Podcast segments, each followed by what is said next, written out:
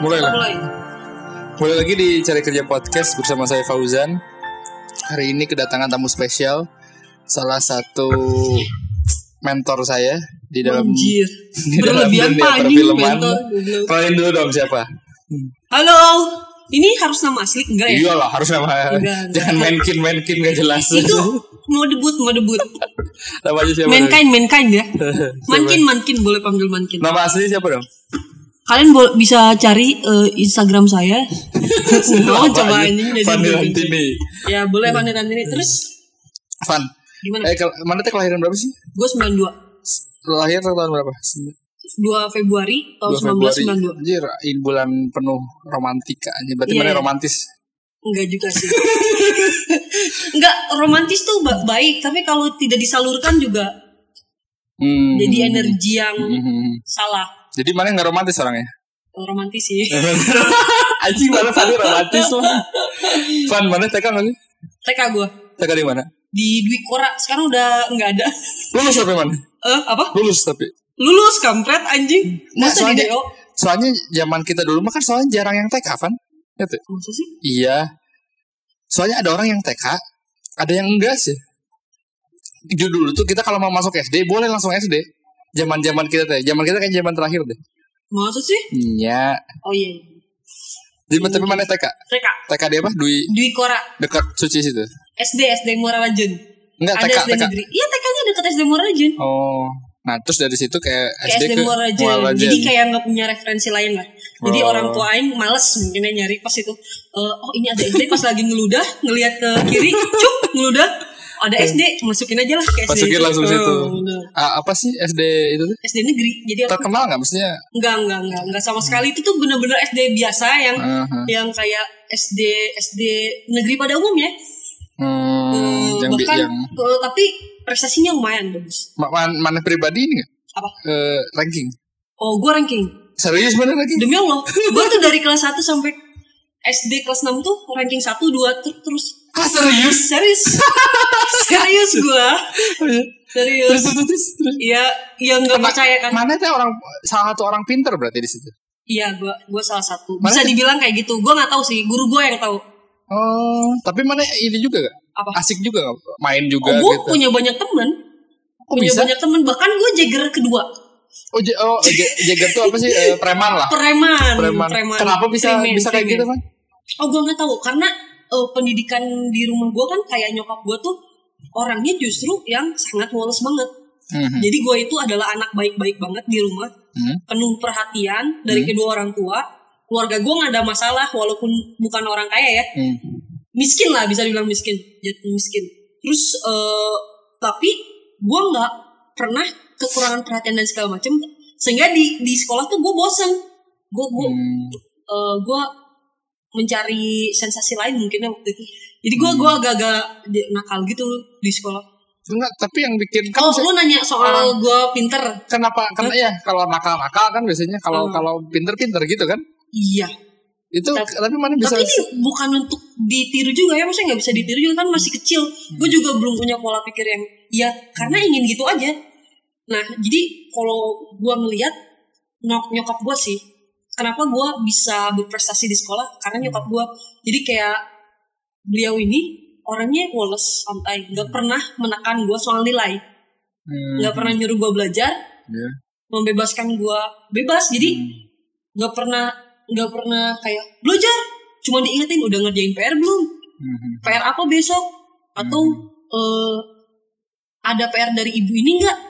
Seingat orang sih gitu. Hmm. dan gue nggak pernah ditekan sama sekali Hmm, tapi mana inisiatif pribadi untuk ngerjain PR, iya iya belajar sebelum ulangan kayak gitu. iya gue orang yang kayak gitu Oh. gue bahkan nggak pernah belajar boleh tanya nyokap gue sama guru gue Tapi mana bisa dapat nilai bagus gitu. iya mungkin SD kan nggak terlalu susah ya Hmm. mungkin ya nggak terlalu susah jadi kayak gue emang nggak pernah belajar Hmm. tapi eh ya itu nggak nggak berhasil juga di semua orang ya tapi gue gitu gitu. jadi pas waktu kecil tuh eh, pikirannya sisanya sok belajar di sekolah sisanya main Eh, Di rumah dulu dulu jam berapa sih? Masuk jam berapa? masuk jam setengah tujuh Pul- Pulang jam pulang jam 10 kalau kelas 1 SD ya Kalau kalau sini sini kan jam 12-an Oh, jam kali. 12, jam 1, Jam 12. tuh. Sekarang sekarang mah udah udah siang sih. Wah, sekarang Jam 2 nih bisa Iya, jam bisa, bisa, jam 3, jam 4 karena full day school tuh kan eh, anak-anak tuh dihabisin waktunya di sekolah, coy. Oh. Hmm, Kayak adik-adik kita lah ya Mhm, yang mhm, sampai keringetan, coy. mhm. Di sekolah khawatir lah. Tapi ada satu kalau untuk zaman sekarang mah positifnya dia nggak main HP loh, Van. Iya nggak sih? Mhm. Pernah mikir mikir gitu gak? Jadi karena dia mereka mereka anak kecil ini di sekolah kan ada ada policy di sekolah yang nggak nggak nggak pakai HP. Jadi mereka tuh bermain gitu sih anak apa anak kecilnya. Jadi nggak banyak nggak nggak banyak eh, megang HP. Gak faktanya nggak gitu, Jan. Atau tetap tetap main HP juga Keponakan gue juga gitu. di, di di sekolah maksudnya. Di sekolah sih nggak bisa ya, karena mereka Hmm. masih terlalu cupu untuk menipu guru gitu. Kecuali SMP udah.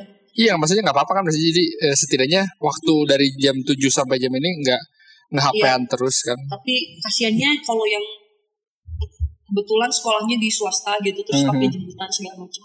Habis waktunya untuk Hmm. jadi di rumah itu cuma buat tidur doang. Hmm, kayak orang malah lebih sibuk daripada kita kita ya. betul, betul, betul, betul.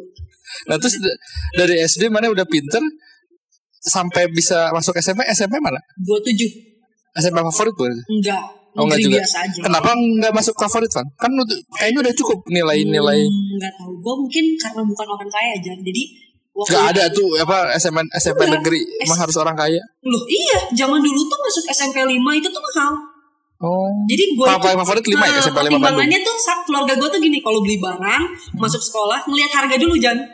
Mhm. Jadi bukan yang kan kalau orang kalau mau suka ya udah kejar dulu aja, gue Iya. belakangan. Mhm. Kalau keluarga gue ngeliat dulu ini harganya berapa gitu. Oh. Jadi waktu itu masuk 27 karena Lu tujuh itu di mana sih? 27 SMP 27 Di mana itu? itu tuh du- eh, PPI sekolah tentara.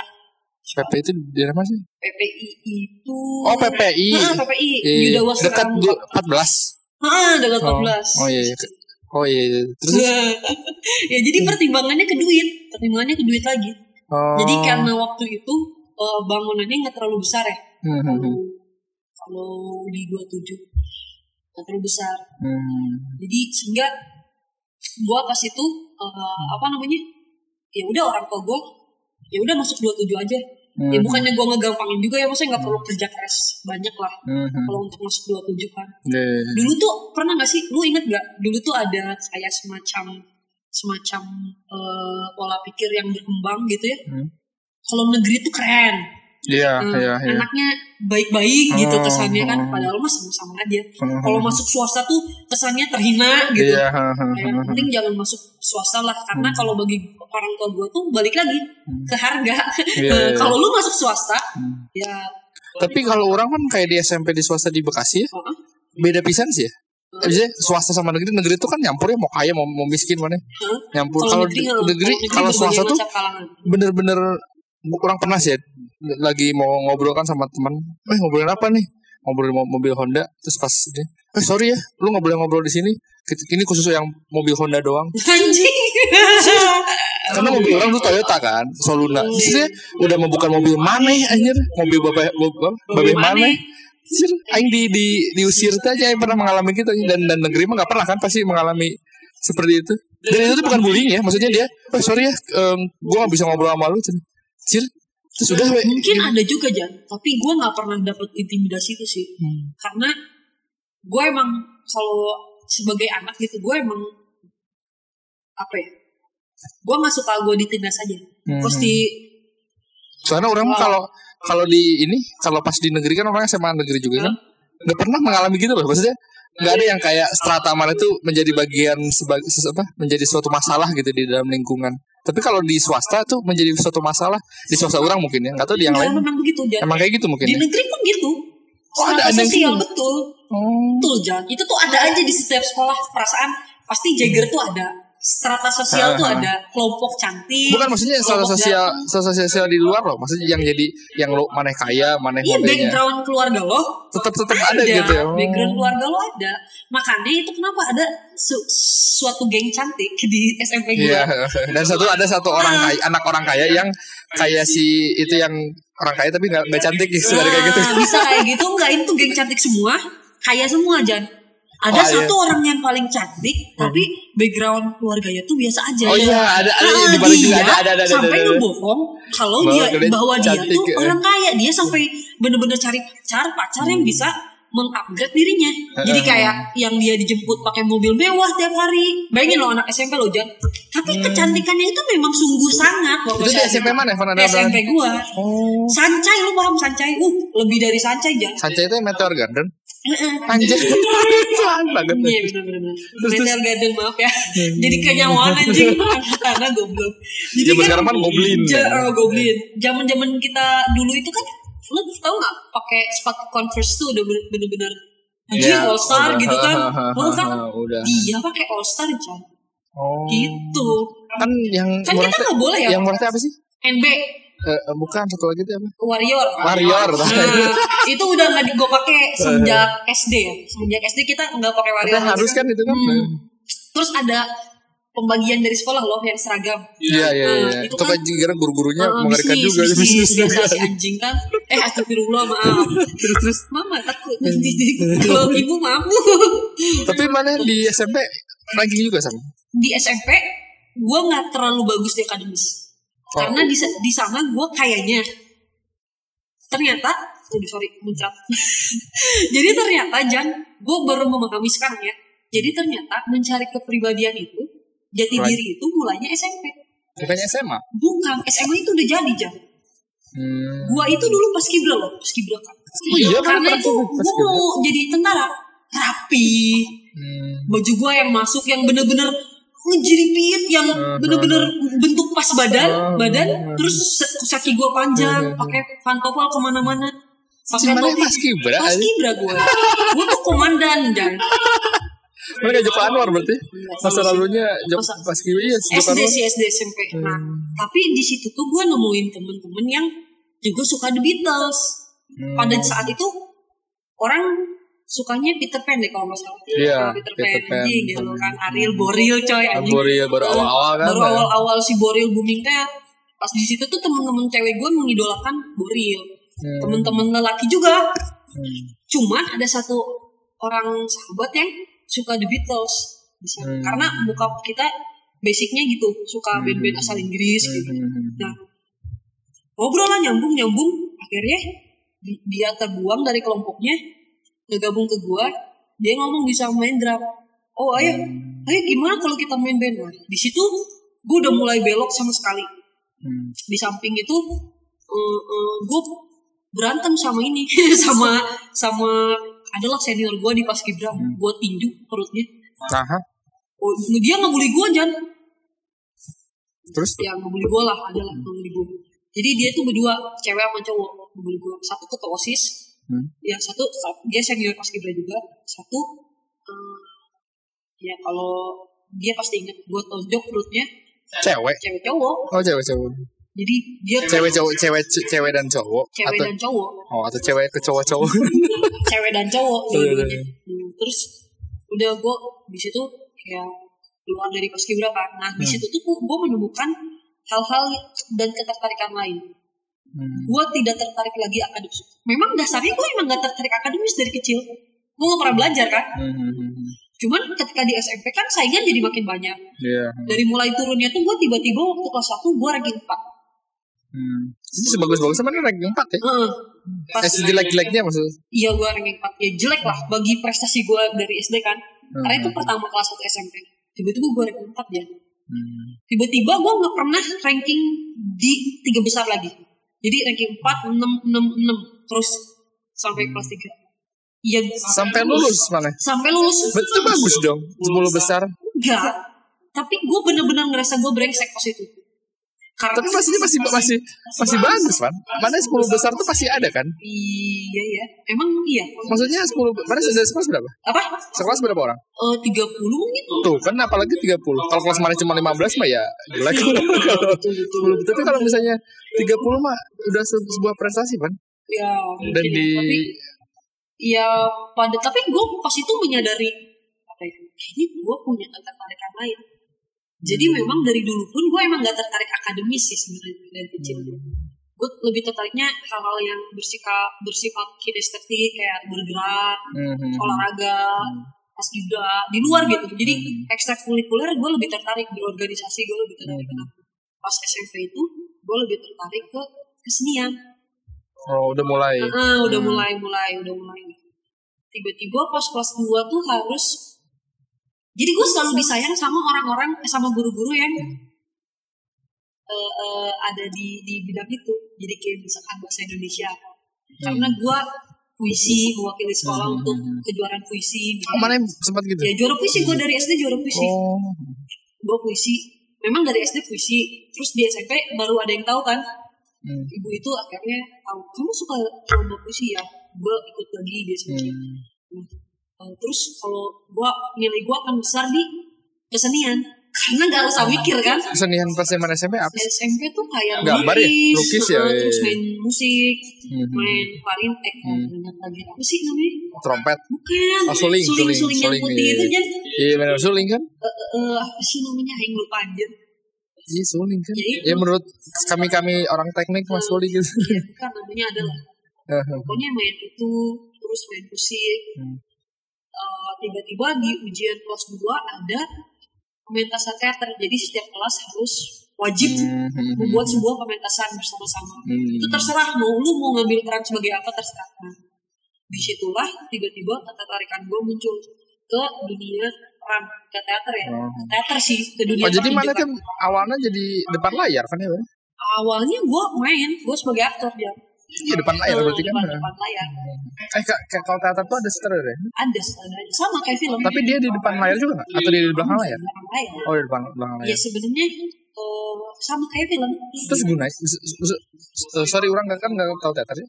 Terus pas dia di lagi pementasan dia diem doang dong berarti. Iya, kalau Tegang gitu, betul tegang. tegang ya? Jadi kalau sutradara teater itu jan ya sama sebenarnya kayak sutradara film, tapi kan sutradara film mah dia Kan bisa di- edit, di- edit segala Eh, macam. kan bisa diulang-ulang terus ya. Ini bener-bener kayak ya udah menyerahkan semuanya kepada aktor. Jadi Oh. istilah aktor mau improve ke gimana gimana itu bakal bakal jadi jadi urusan urusan lain gitu. Jadi kayak Hmm. mungkin kalau kan pementasan tuh biasanya nggak satu kali kan Iya. ada dua tiga atau seminggu penuh terus Iya. mungkin kalau dia nggak setuju baru setelah pementasan tadi ngapain lu improve banyak banyak misalkan lu usah kayak gini nanti lu memecah konsentrasi aktor lain misalkan Iya. kayak gitu Makanya teater teater lebih gampang ke filmnya ya. tuh Hmm. aktor teater tuh kan eh, disiplin Iya disiplinnya disiplin ilmu acting juga. Jadi kalau misalkan eh, teman-teman yang terbiasa di pementasan di panggung biasanya lebih lebih merasa mudah. Artinya nggak nggak selalu mudah sih. Maksudnya ada treatment lain juga tapi eh, minimal punya dasar lah. Etikanya juga beda kan? Karena Dan- dia dari nol terus latihan setiap hari olah tubuh olah rasa em, reading semuanya. Nah dari itu SM, SMP, SMP kelas 2 terus sampai mana jadi kul SMA di mana? gue SMP di Sumatera 40 SMA. SMA Kenapa nggak SMK kan? SMA Karena kan udah ketertarikan mana udah. Kenapa SMK 10 Bandung? nah itu kurang informasi waktu itu. Lu kurang Ah, belum belum belum. Dulu internet nggak populer kan? Iya, masih itu belum. masih belum. Jadi gue juga ke warnet gitu. Ke warnet tuh bisa sebulan sekali mungkin jam. Hmm. susah. Jadi gue nyari sekolah seni itu susah. Karena gue kira nggak ada kan SMK semacam itu Hmm. Tapi udah mau udah mau mana? sebenarnya ya udah mau. Tapi eh, waktu itu di sekolahin ke Sumatera 40 pertimbangannya adalah walaupun mahal ya Swasta ya? eh, eh, karena ibu gue tuh udah kesel ngelihat gelagat kesiangan gue jangan Hmm. setelah gue SMP gue tuh jadi sering tidur malam Hmm. karena waktunya nggak cukup untuk berpikir hal lain gitu kayak Hmm. mikir nulis puisi gitu kayak gitu gitu jadi udah mulai kayak gitu Hmm. udah mulai kayak hampir kayak sekarang lah cuman mungkin dulu cukup masih cukup ya. Hmm. jadi akhirnya eh, dulu gue ketemu kering keterima ke negeri-negeri yang lumayan gitu keterima. Apa contohnya? contohnya ke 24 ya 24 Oh, 24 betul. Itu kok kelas satu loh. masa? Emang iya? Tapi jauh ya? Jauh di ujung bawah ya. Ma- makanya kata mama saya tuh kamu lah lebih baik sekolah di yang deket aja. Ke 19 atau mah karena di 19 tuh ada 19 di mana sih? keterima gue ke 19 19 tuh udah gue pojok Oh iya. Karena- Kenapa nggak SMA 14? enggak karena gue ngejar teaternya Jan Oh, ada iya. kelompok teater ekstrakurikuler sih sama Mhm. kelompok teaternya itu eh, keren-keren. Jadi kalau kalau dalam kejuaraan kabaret dan teater se SMA se Kota Bandung atau se Jawa Barat tuh dia megang lah SMA 19 ini. Dua-dua juga deh. Masa? Iya, kan suka sama sama istri suka callingan. SMA dua-dua. Hmm, Mana tuh SMA dua-dua kan? tahu tahu. Deket istri terus terus. Tapi, Nah. tapi 19 tuh lebih Oh. Nah terus da- dari apa? Akhirnya masuk SMA situ. eh, masuk Karena orang tua. karena eh, karena kayaknya kesianan terus anjir. Aing gak, udah bete gitu ya. Masa masuk jam 7 gua datangnya jam 8 jam udah matahari muncul kan bingung ya. Maksudnya tuh males lah ibu orang teh males untuk kayak takutnya nanti dipanggil lagi atau apa gitu males. Mhm. Jadi kayak sebenarnya tuh dia nggak ada masalah gua gimana gimana tuh nggak ada masalah tapi ya males lah gitu ngeliat gua punya masalah saya Eh, itu masih udah masih ranking ya SMA. SSM itu ranking. Cepet cepet ya? SMA itu gua ranking 26 Wow, ini udah udah udah mulai normal. Ini udah, udah, udah mulai panik yang aing kenal. ya. ini udah mulai nggak tertarik sama sekali untuk belajar jadi ke sekolah itu benar-benar untuk teater teater teater gitu jadi eh, lu bayangin aja lu sekolah untuk mengisi waktu menunggu lu berteater Hmm. gitu Karena jadi udah tertarik banget kan sama teater dan seni-seni kayak gitu Iya, ya. betul. Oh. Gue juga punya ekskul lain gue softball juga sama basket Softball di di Sumatera Barat bukan di mana? Yang di, di Lodaya, Lodaya. latihannya di Lodaya sama sama orang-orang Lodaya kalian ya kalau nggak salah di ada di situ tapi yang paling gua karena harus punya tiga ekskul kan Hmm. jadi yang dua ini tuh ya cuma olahraga olahraga biasa lah kalau yang bener-bener gue serius itu teater Sama? gue teater aja Teater aja. Oh. karena gue dulu ketua teater coy Oh. saya menumpahkan segala waktu jiwa raga untuk teater gue gitu Kan masuk masuk ke SMA tahun berapa sih? gue tahun 2007 apa dua 2007 2007. Ber- Berarti mana itu oh, sampai sekarang itu udah hampir Tapi udah, udah, udah fokus gitu di dunia acting segala macam gitu. Oh. gitu Nah, ceritanya Jan terus dari nih pertanyaan orang nih. Mana kan tomboy nih. ya? Gimana rasanya menjadi seorang yang tomboy di lingkungan SMA? Nah, itu dia. Nah itu dia. Itu tuh eh, kayak repetisi Jan. Jadi kan waktu gua kecil kan gua nggak ngerti kenapa gua gini gitu gua nggak ngerti kan. Ya udah gua gini aja gitu. Hmm. Tapi kenapa eh, dulu tuh emang gua selalu dipotong pendek sama nyokap gua Hmm, hmm, hmm. karena Eh sorry, mana pakai rok? Waktu SMP SMA. S, SMA. Nah. Ya iyalah, masa pakai celana? Temen orang ada yang melawan itu kan. Hah? Dulu di SMP Masa? yang pakai rok, terus dia melawan sendiri dengan pakai ini. Celana. Tapi emang dia sering ngelawan, ngelawan, ngelawan, ngelawan. Sampai akhirnya dibiarin. Sekarang eh, dibiarin. Hijrah jadi Pak Ustadz. oh, jadi Bu Ustadz. Gua kira hijrah jadi Pak Ustadz. Iya enggak, maksudnya kayak ya itu menurut gua tuh outfit tuh bukan masalah ya. Outfit tuh karena gua nggak ada masalah untuk itu. Jadi kayak eh, gua pakai rok atau enggak tuh nggak ada masalah. Sebenarnya itu kayak cuman dingin aja loh Jan. Kalau pakai celana kan bisa bebas karena gua outdoor banget orangnya. Iya. Jadi kalau pakai celana tuh ngerasa lebih bebas aja. Tapi kalau pakai rok juga gua nggak yang Hmm. Duh gue males nih yang ganti celana gitu. Enggak maksudnya. Ya karena gue juga nggak nggak paham kenapa. Nah waktu SD tuh emang nyokap gue selalu motong rambut gue pendek. Karena gue pindah di tentara kan. Hmm. lu tahu kowat gak? Korps wanita angkatan darat. Oh. nah kayak kuat-kuat gitu dipotongnya.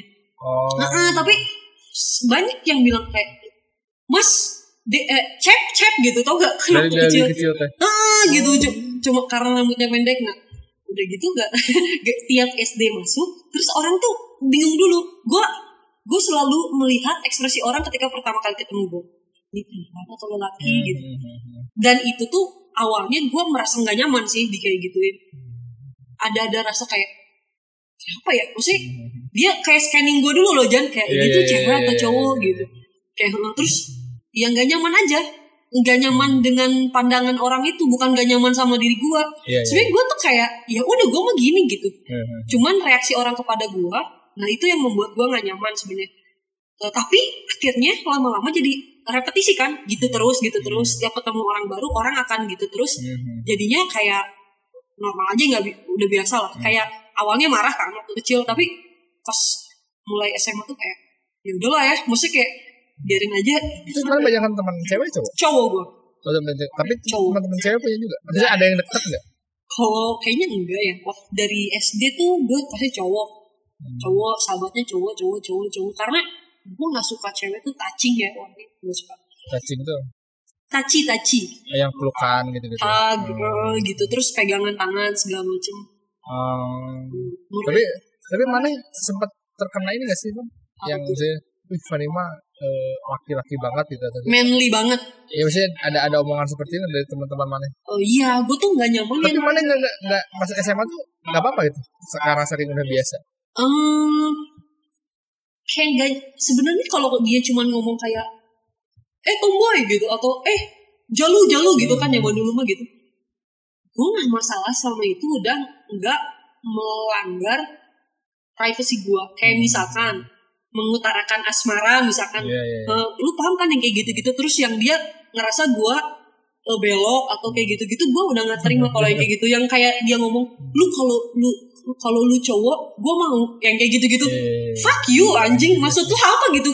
Gua tuh bener-bener nggak ada pikiran untuk ke sana gitu. Nah yang bikin gua nggak nyaman tuh se- sejauh itu it- itu aja sih. Karena Hmm. makanya gua temenan sama cowok biasanya cowok tuh nggak banyak protes nggak banyak Hmm. nanya nggak banyak ngomong ya sebenarnya manusiawi sih Hmm. gue menjadi ngerti sekarang sebenarnya itu reaksi wajar tapi mungkin pada saat itu ketika umur gue segitu mungkin gue rentan stres atau Oh, iya. eh, apa cara gue memandang sesuatu tuh dengan kesensitifan Hmm. gue gitu karena eh, orang nggak tahu gue sebenarnya gimana kan Hmm. sebenarnya orang nggak salah Hmm. tapi guanya aja yang waktu itu sensitif aja gitu ya. sensi aja gitu ya sebenarnya oke oke aja lama kelamaan sih karena kita semakin dewasa ya hal-hal yang kayak gitu sih akhirnya jadi apa ya hmm, dianggap bukan dianggap santai gua mengubah sudut pandang gua aja sih Hmm. gitu.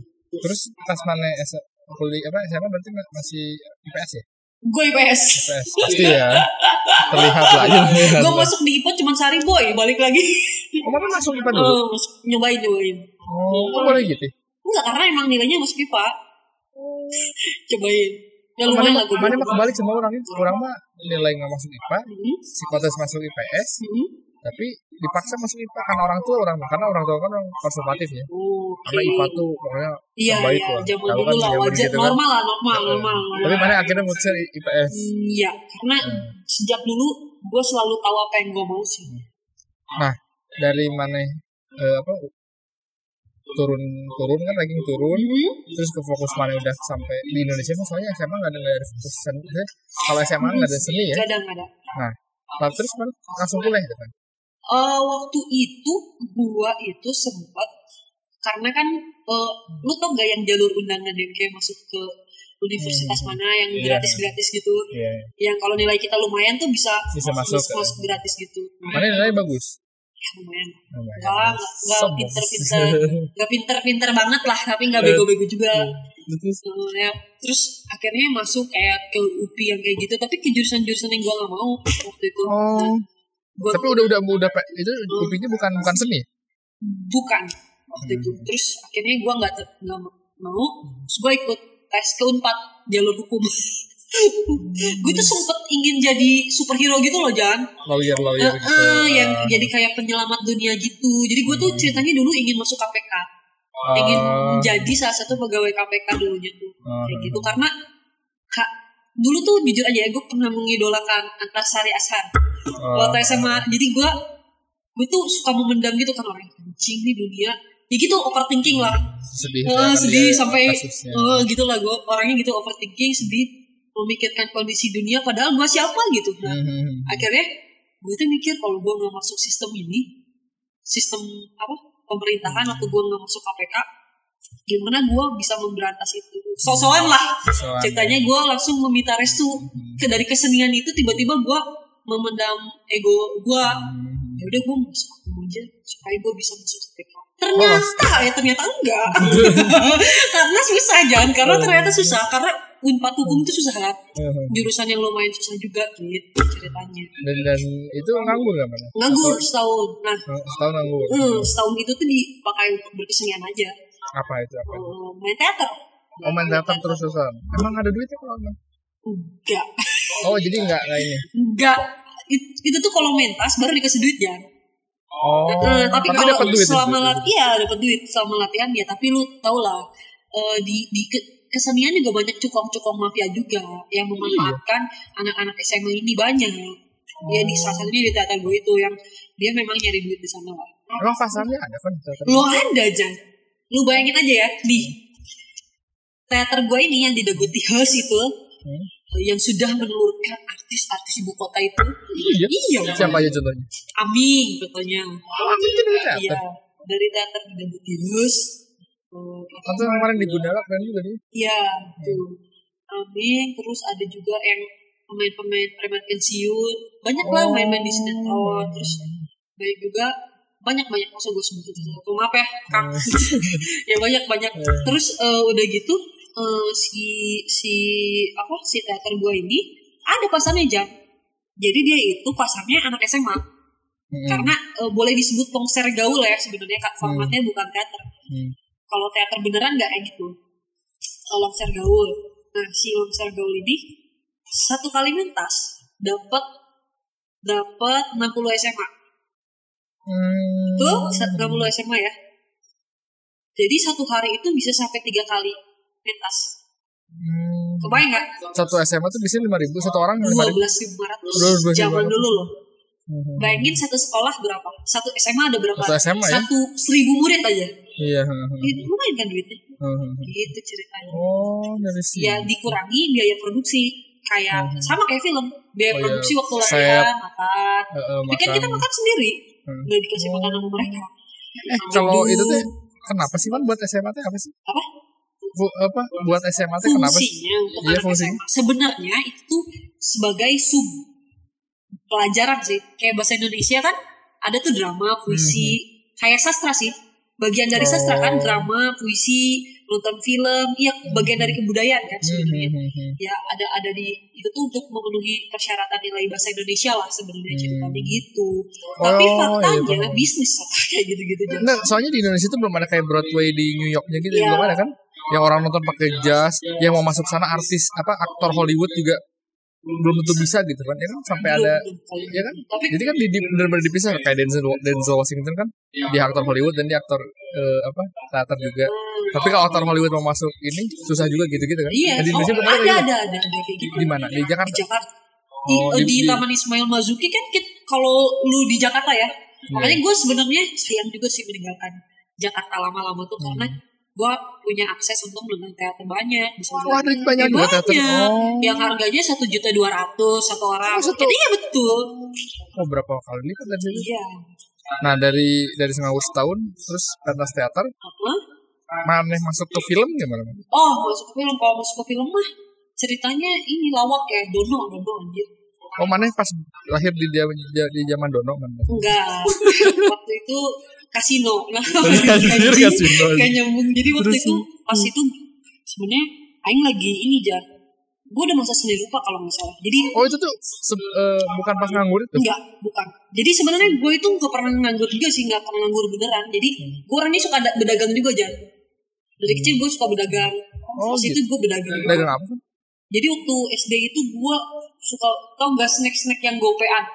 Iya. gue pinjem tuh modalnya ke nyokap. Hmm. beli nah satu hari itu untungnya dapat lima ribu tujuh ratus. Sedangkan teman-teman gue waktu itu Lima ribu tujuh ratus. Heeh, waktu itu eh, eh, bekalnya cuma gope. Oh, mana se udah oh, dapat oh, udah dapat lima ribu tujuh ratus. jadi gue emang Dari SD dari? SD gue suka dagang juga kaos kan. Kalau kakak kakak gue kan eh, apa dagang juga eh bukan dagang Hmm. kayak ada konveksi gitu Hmm, hmm, jadi hmm. kalau misalkan kaos-kaos yang sisaan dia tuh kan dulu distro-distro tuh nggak punya tempat produksi sendiri ya Iya. Nah, jadi kalau ada sisa-sisa dari distro-distro tuh gue yang jualin di SMP. SMA juga gitu. Jadi dari SD dari SD SMP SMA udah dapat uang sendiri dari situ gitu. Hmm. Uang jajan sendiri lah Iya. gitu maksudnya. Gitu. Walaupun sebenarnya ya nyokap gue tetap masih masih juga sih. Hmm, hmm. Gitu. Mana yang itu dari dulu ini ya. Unik juga mana tuh kreatif, terus pinter juga, terus bandel juga. Udah. Heeh. Bandel sih yang paling menonjolnya. Nggak banyak orang yang tahu kalau gue pinter sih. Terus orang juga terkaget-kaget tuh. Iya, Naon gitu, tuh kaget. kaget, kaget, kaget. Nah dari itu kan terus dari dari tadi tuh yang setahun itu akhirnya masuk memutuskan masuk ini Hmm, itu Eh. pe- perjalanannya lama juga Jan karena kan ketika itu pas kita nggak terima ke ke ke universitas yang kita mau pasti kita down dulu kan Hmm. Tapi emang udah udah tahu mau masuk mana? waktu itu Iya. udah Pas lagi sebenarnya galau-galaunya. waktu galau itu gue udah tahu jadi waktu waktu itu tuh yang gue sasar itu adalah gue mau jadi art director atau gue mau jadi di- sutradara Art director tuh eh, sutradara teater art director Art itu seni se- seni seni dalam sesungguhnya rupa di film. rupa seni rupa jadi kalau orang yang bikin bikin dekorasi orang yang Oh iya, menyiapkan art director art, film kan? hmm, nah. di di TV dulu gue mikirnya Oh, karena waktu itu tuh industri TV lagi mulai maju yang tiba-tiba banyak stasiun TV Hmm. Oh yang ada Trans TV keren kan? Iya. Yo, kayak net Milik sekarang lah. Oh, bersama. bener-bener. Yang zaman Wisnu Tama ya. Iya, Aing iya. bercita-cita masuk ke situ jam. Gitu. Hmm. Ceritanya gue masuk seni rupa murni ya, tiga semester ya, terus pindah ke desain. Oh tapi mana masuk dulu berarti sebenarnya? Ah, ah, tiga Di sem- ISB. di ISB, di. Hmm. Hmm. Karena pertimbangannya balik lagi duit kan, selalu ke duit juga. Enggak sih waktu itu lagi jalan, lu udah lihat ada kampus. oh kampus kesenian, oh boleh juga ya udah. Serius mana gitu? Enggak sih. Udah mikir kan mempertimbangkan mana sih yang paling uh, mungkin ya, paling mungkin. paling mungkin. Awalnya tuh mau masuk teater sebenarnya. Hmm. Cuman uh, berdiskusi sama pembina teater gua di ISBI. Karena beliau kalau dipikir-pikir lagi karena beliau nggak sukses kali ya di teater jadi dia ngomong nggak usah masuk teater. Masuk yang lain aja tuh yang lagi seni yang lagi hits tuh seni rupa gitu. Ke- Tapi orang tua nggak kurang masalah kan? Mana kuliahnya? oh nyokap. nyokap bokap tuh orangnya yang santai banget walaupun kita tidak bergelimang harta tapi mereka itu punya pandangan yang luas kalau soal pilihan hidup Hmm. terus juga eh, eh, nilai. Mereka nggak menuntut gue untuk ngejar nilai. Hmm, hmm, hmm. jadi yang penting tuh gue ngerti gue paham gue mau ke mana gitu. Nah waktu itu tuh ceritanya yang ribet itu bukan kedua orang tua gue keluarga dari ibu bapak gue Oh, yang mempermasalahkan itu mana masuk ke seni gitu. Heeh, gitu. Karena kan kalau kalau ya di kita masih skeptis lah. tuh Wah, mau makan apa nanti? nah betul. Karena kemarin orang interview teman orang yang dokter, Mhm, orang bilang dokter itu adalah idaman eh, para calon mertua. betul. Sedangkan kalau misalnya kayak kita sebagai filmmaker Mhm. datang kan, eh eh, sore om, ya kan ke ini kan misalnya ke calon apa ke pacar ke calon mertua, eh, kerja di mana om? Freelance, oh, freelance apa? Film om, waduh. Ya udah assalamualaikum. Kalau dokter, oh dokter sudah makan, oh tiba-tiba masak, Oh, masak itu tumpeng, opor wah segala. tutug oncom mencit mundi kan waduh Kalau nggak yang kerja-kerja di BUMN gitu kan. Tapi orang kalau yang filmmaker kan kesannya tidak, tidak dianggap nih aja. Yang kerja di dunia dunia seni gitu aja. dia anggap eh, inilah angin lalu lah mungkin Jam. Hmm. tiba-tiba kalau eh, dokter kan bisa tiba-tiba ada ritual muncit sapi Iya. misalkan gitu kan ya.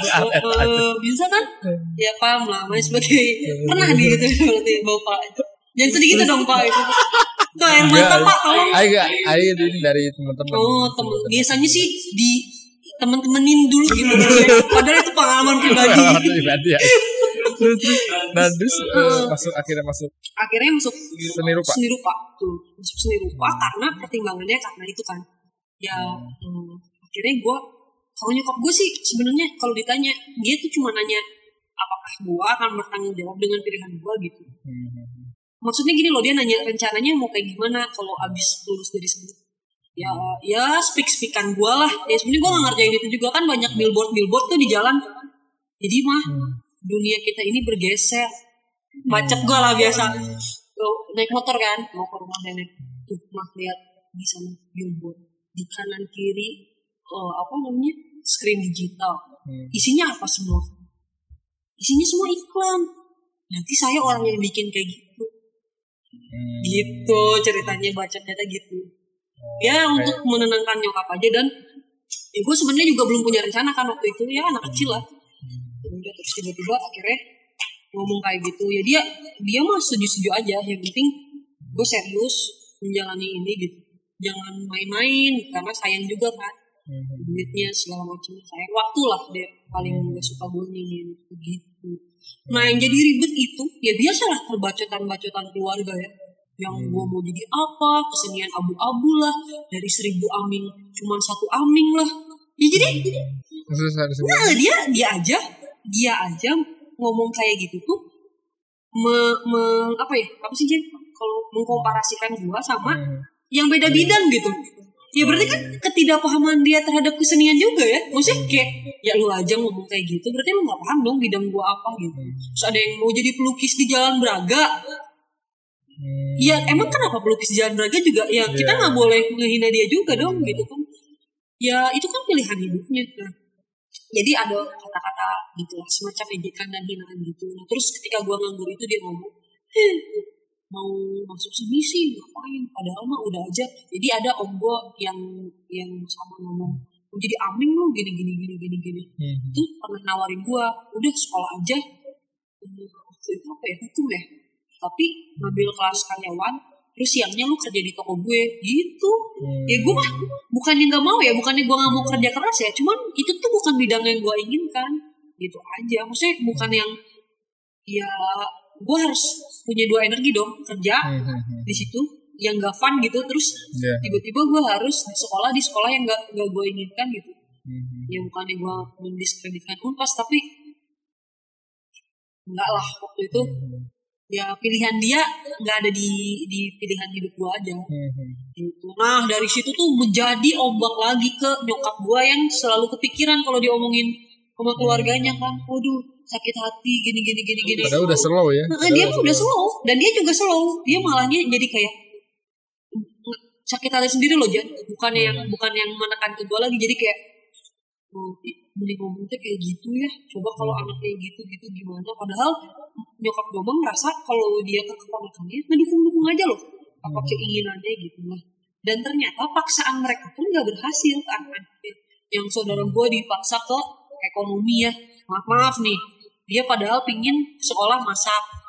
Oh iya. iya. Iya nggak Jan? Coba kalau dia diturutin dia mau sekolah masak. Hmm. Ya mungkin dia tahu dia mau ngapain kan? Hmm, hmm, hmm. Ya walaupun sebenarnya dia nggak tak paham-paham amat gimana nantinya gitu. Tapi Hmm, hmm. ketika dia ada di sana, dia bisa eksplorasi dan mengembangkan dirinya juga mendapatkan koneksi koneksi yang Iya. dia inginkan gitu Jan bukan yang dia tuh bener-bener blank sama sekali loh sekolah ekonomi yang udah aja konteks sesuai tekstual gitu orang itu yang Iya, yang iya, iya. dari buku gitu Orang salah satunya gitu kan. Orang dulu mau, mau kuliah di apa ekonomi manajemen gitu. Kan sama babe orang nggak boleh, bukan nggak boleh sih. Udah cuma S2 aja. Karena ribuan orang manajemen, ribuan orang yang latih wisuda ekonomi, cina. terus mau kerja mau kerja apa, mending teknik dulu. Nah sekarang kayak dunia tuh menggiring orang ke dunia lingkaran ekonomi, kayaknya orang lebih cocok jadi ekon- ekonomi iya daripada kan betul kan ada kayak gitu kan pasti kan? karena sebenarnya tuh bukan dia ada di bidang apa cocok di bidang apa Jan tapi ketika Hmm. orang itu melakukan sepenuh hati pasti Iya, hmm. Akan berhasil gitu. Hmm, hmm, hmm, hmm. itu soalnya lu pernah ngedenger Jim Carrey ya kalau nggak salah? Mana? ayahnya si Jim Carrey tuh kalau nggak salah tuh dia tuh suka suka kesenian. Suka main teater gitu aktor gitu lah Hmm, cuma dia harus memendam egonya untuk sekolah ekonomi. Dan tiba-tiba Oh. perusahaannya bangkrut ya. Oh iya, iya Jim Carrey bener. Jim Carrey ya. dengar, terus ya. dia ngomong kayak "E, e, kita aja udah ngambil yang aman bisa gagal. Hmm, hmm, hmm, hmm. ya ngerti nggak Bener bener bener. Iya, pernah dengar itu. jadi istilahnya mah hidup cuma sekali ya udah ambil resiko yang eh, ngambil sesuatu yang lu mau gitu perjuangkan yang lu mau karena ngambil yang yang aman pun bisa gagal kan kalau orang ngomong kesenian mau makan apa gitu Hmm. ya udah orang yang ngambil aman aja bisa gagal Hmm. ya kita kenapa nggak ngambil resiko itu Terus dari itu mana masuk ke film gimana? oh cerita film ya cerita jadi film jadi memang se- semenjak kecil gue seneng nonton film. Oh, jadi dulu itu dari kakak gue sih. Lu kalau punya kakak nggak punya ya? jadi Enggak. kakak itu kan Ah, idola kita ya? Jadi uh, referensi musik kita Blink 182 yang gitu. Terus uh, uh, dia suka nonton film-film yang rebel kayak Mas Garin yang daun di atas bantal. Yang tema-temanya Oh, tuh humanis-humanis gitu. Eh, yang liar-liar lah. liar. Terus? Nah dia suka nonton film-film kayak gitu.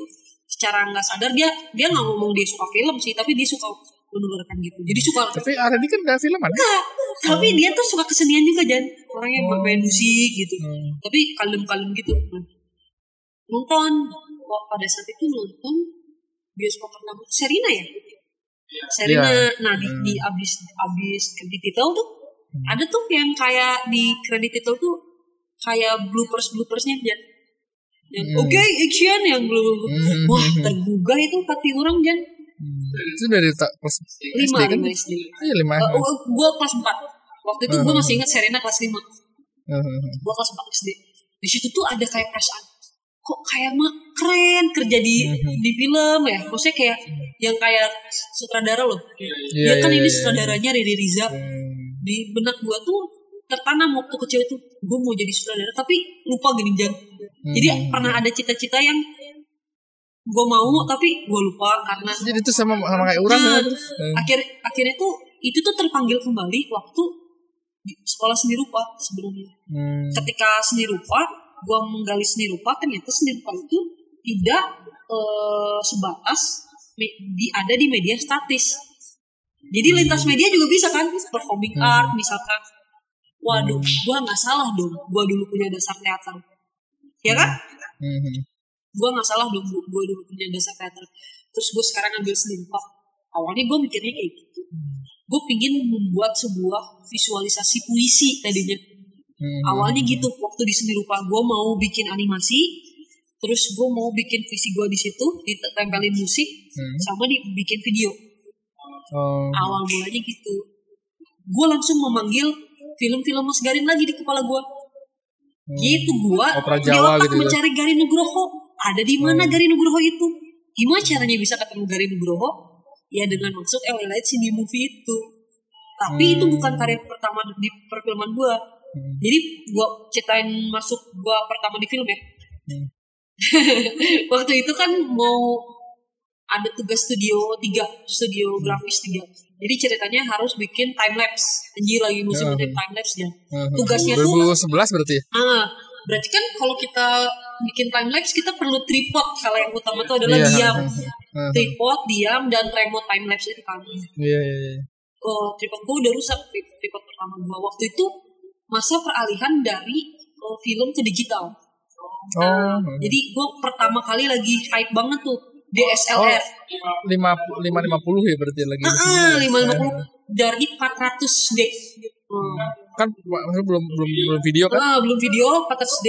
Terus 550 ada uh Langsung yang eh, bisa video kan? bisa wah dan murah, kan mesti dan dan eh, nggak murah juga sih bagi gue maksudnya terjangkau kan? Terjangkau. Nah, pas itu lagi hype banget kan. Gue udah beli tuh dengan susah payah. Gue kerja dulu gue motret dulu Oh iya. karena itu udah pelajaran fotografi digital ke kedua kalau nggak salah ada Hmm. ada kuliah fotografi itu fotografi dua lah waktu itu gue Hmm. udah paham lah pakai secara teknis lah ya Iya iya. Nah, gue kerja di Derans dan jadi tukang foto Oh iya iya. iya. Mau foto booth. Ah, satu satu hari cuman satu minggu kan Hmm. eh, kuliah satu minggu libur kan Hmm. gue kerja dari bayangin dari dari Muara Rajen ke Hmm. Lembang Di Rans. Anjing cuman lima puluh ribu anjing sehari Berapa ribu? Wih ya. gue kumpulin coy gue kumpulin untuk beli harddisk dan kamera Hmm. sisanya nambah ini dari beasiswa suatu Udah dapat beasiswa mana? ya? gue ngusahain supaya dapat beasiswa dapat beasiswa karena semester gue masih bagus lumayan Hmm. itunya nilainya dapat beasiswa beliin kamera dari kamera situ tiba-tiba pas mau bikin time lapse itu gue jalan ke Braga singkat cerita eh dibelokkan Jan lu tuh kan yang bebek dober Iya, bebek garang. bebek ya. sih bebek garang ya Iya. belok kayak mau ke Kamal dulu anjir waas Kamal lah Udah ada Eh, nggak ada ya. sedih mama anjir pas belok pas gue belok ada ada mobil film lagi lagi Mobil film yang, gimana? yang properti loh equipment film mobil truk yang kuning warnanya Hmm. Oh iya. ada iya, iya. tulisannya film wah di situ akhirnya gue langsung deg-degan dia deg-degan. Hmm. tiba-tiba deg-degan yang nggak tahu kenapa loh. Yang kayak ketemu kecengan lu lah gitu lah Iya, iya, mungkin iya, kayak gitu lah yang deg-degannya tuh serupa kalau gue mau main teater atau mau baca puisi Hmm, hmm, hmm. atau mau motret pertama kali iya, motret kayak gitu deg-degannya ngeliat film. Tapi fokus gue ke kapal kan. Udah mau ditutup coy rolling doornya setengah Wah, teriak. Hmm. parkirin motor anjir si bebek aing eta anjir si lumba-lumba. Set. Parkir. Weh kenapa deh mau beli tripod pak? Buat tugas harus dikumpulin besok? Oh ya udah udah boleh boleh. Dia tripod balik si kedua pelayan kamu tuh lagi ngomongin di sana tuh syuting bla bla bla gitu. Hmm. kita langsung looping kan udah syuting ada Vino Bastian katanya sama Laura Anjir, Basuki waduh Laura Basuki. Vino Bastian wah. Bentang film gede tuh kan. Hmm. di situ tuh wah gue jangan ngerjain tugas aja besok jangan harus dikumpulin. Bego kan anjing langsung ah lupa ah. Iya nggak apa-apa lah bodo amat. Gue langsung jalankan ini bayangin kamal kan gue arahnya ke sana padahal gue parkir di bebek garam padahal kan kalau Iya. tinggal nyebrang beberapa langkah udah Tinggal nyampe jalan gua. eh. gue malah lurus ke tempat syuting syuting itu Aing bulat balik saya kayak orang-orang kayak orang-orang jalan kaki. Oh. Oh, doli doli doli trek. eh.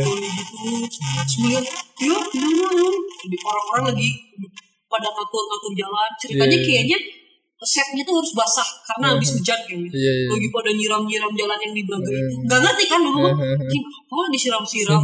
Itu tuh apa ya orang-orang ada ya di film yang bagian nyapu-nyapu pakai sapu lidi aja gini-gini.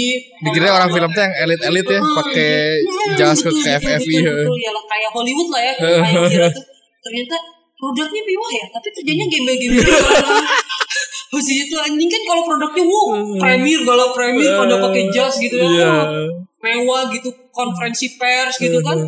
Respon gini-gini gini. Tapi pas kerja gembel-gembel juga ya. Anjing, pas di situ lah Aing merasa tapi orang masih pengen tahu gitu. Hmm.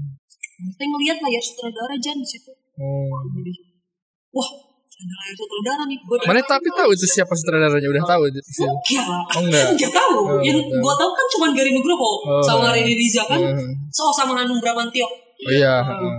sama Hanung Bramantio Nah, pas udah di situ Jadi belum kenal sama Reina Yawan, belum kenal. belum itu cerita lain lain, terus? terus jalan jalan jalan Aing jalan Aing kan bawa kamera aja Hmm. kamera Aing duduk coy deket abang-abang lighting yang kayak gitu Eh, syuting itu Braga yang di Jalan Braganya itu Iya, kan? jalan Oh, iya, Braga iya. yang di tempat itu kan di blok kan. Mhm. Terus gue kayak aneh kenapa bisa mobil nggak ada, pada sepi.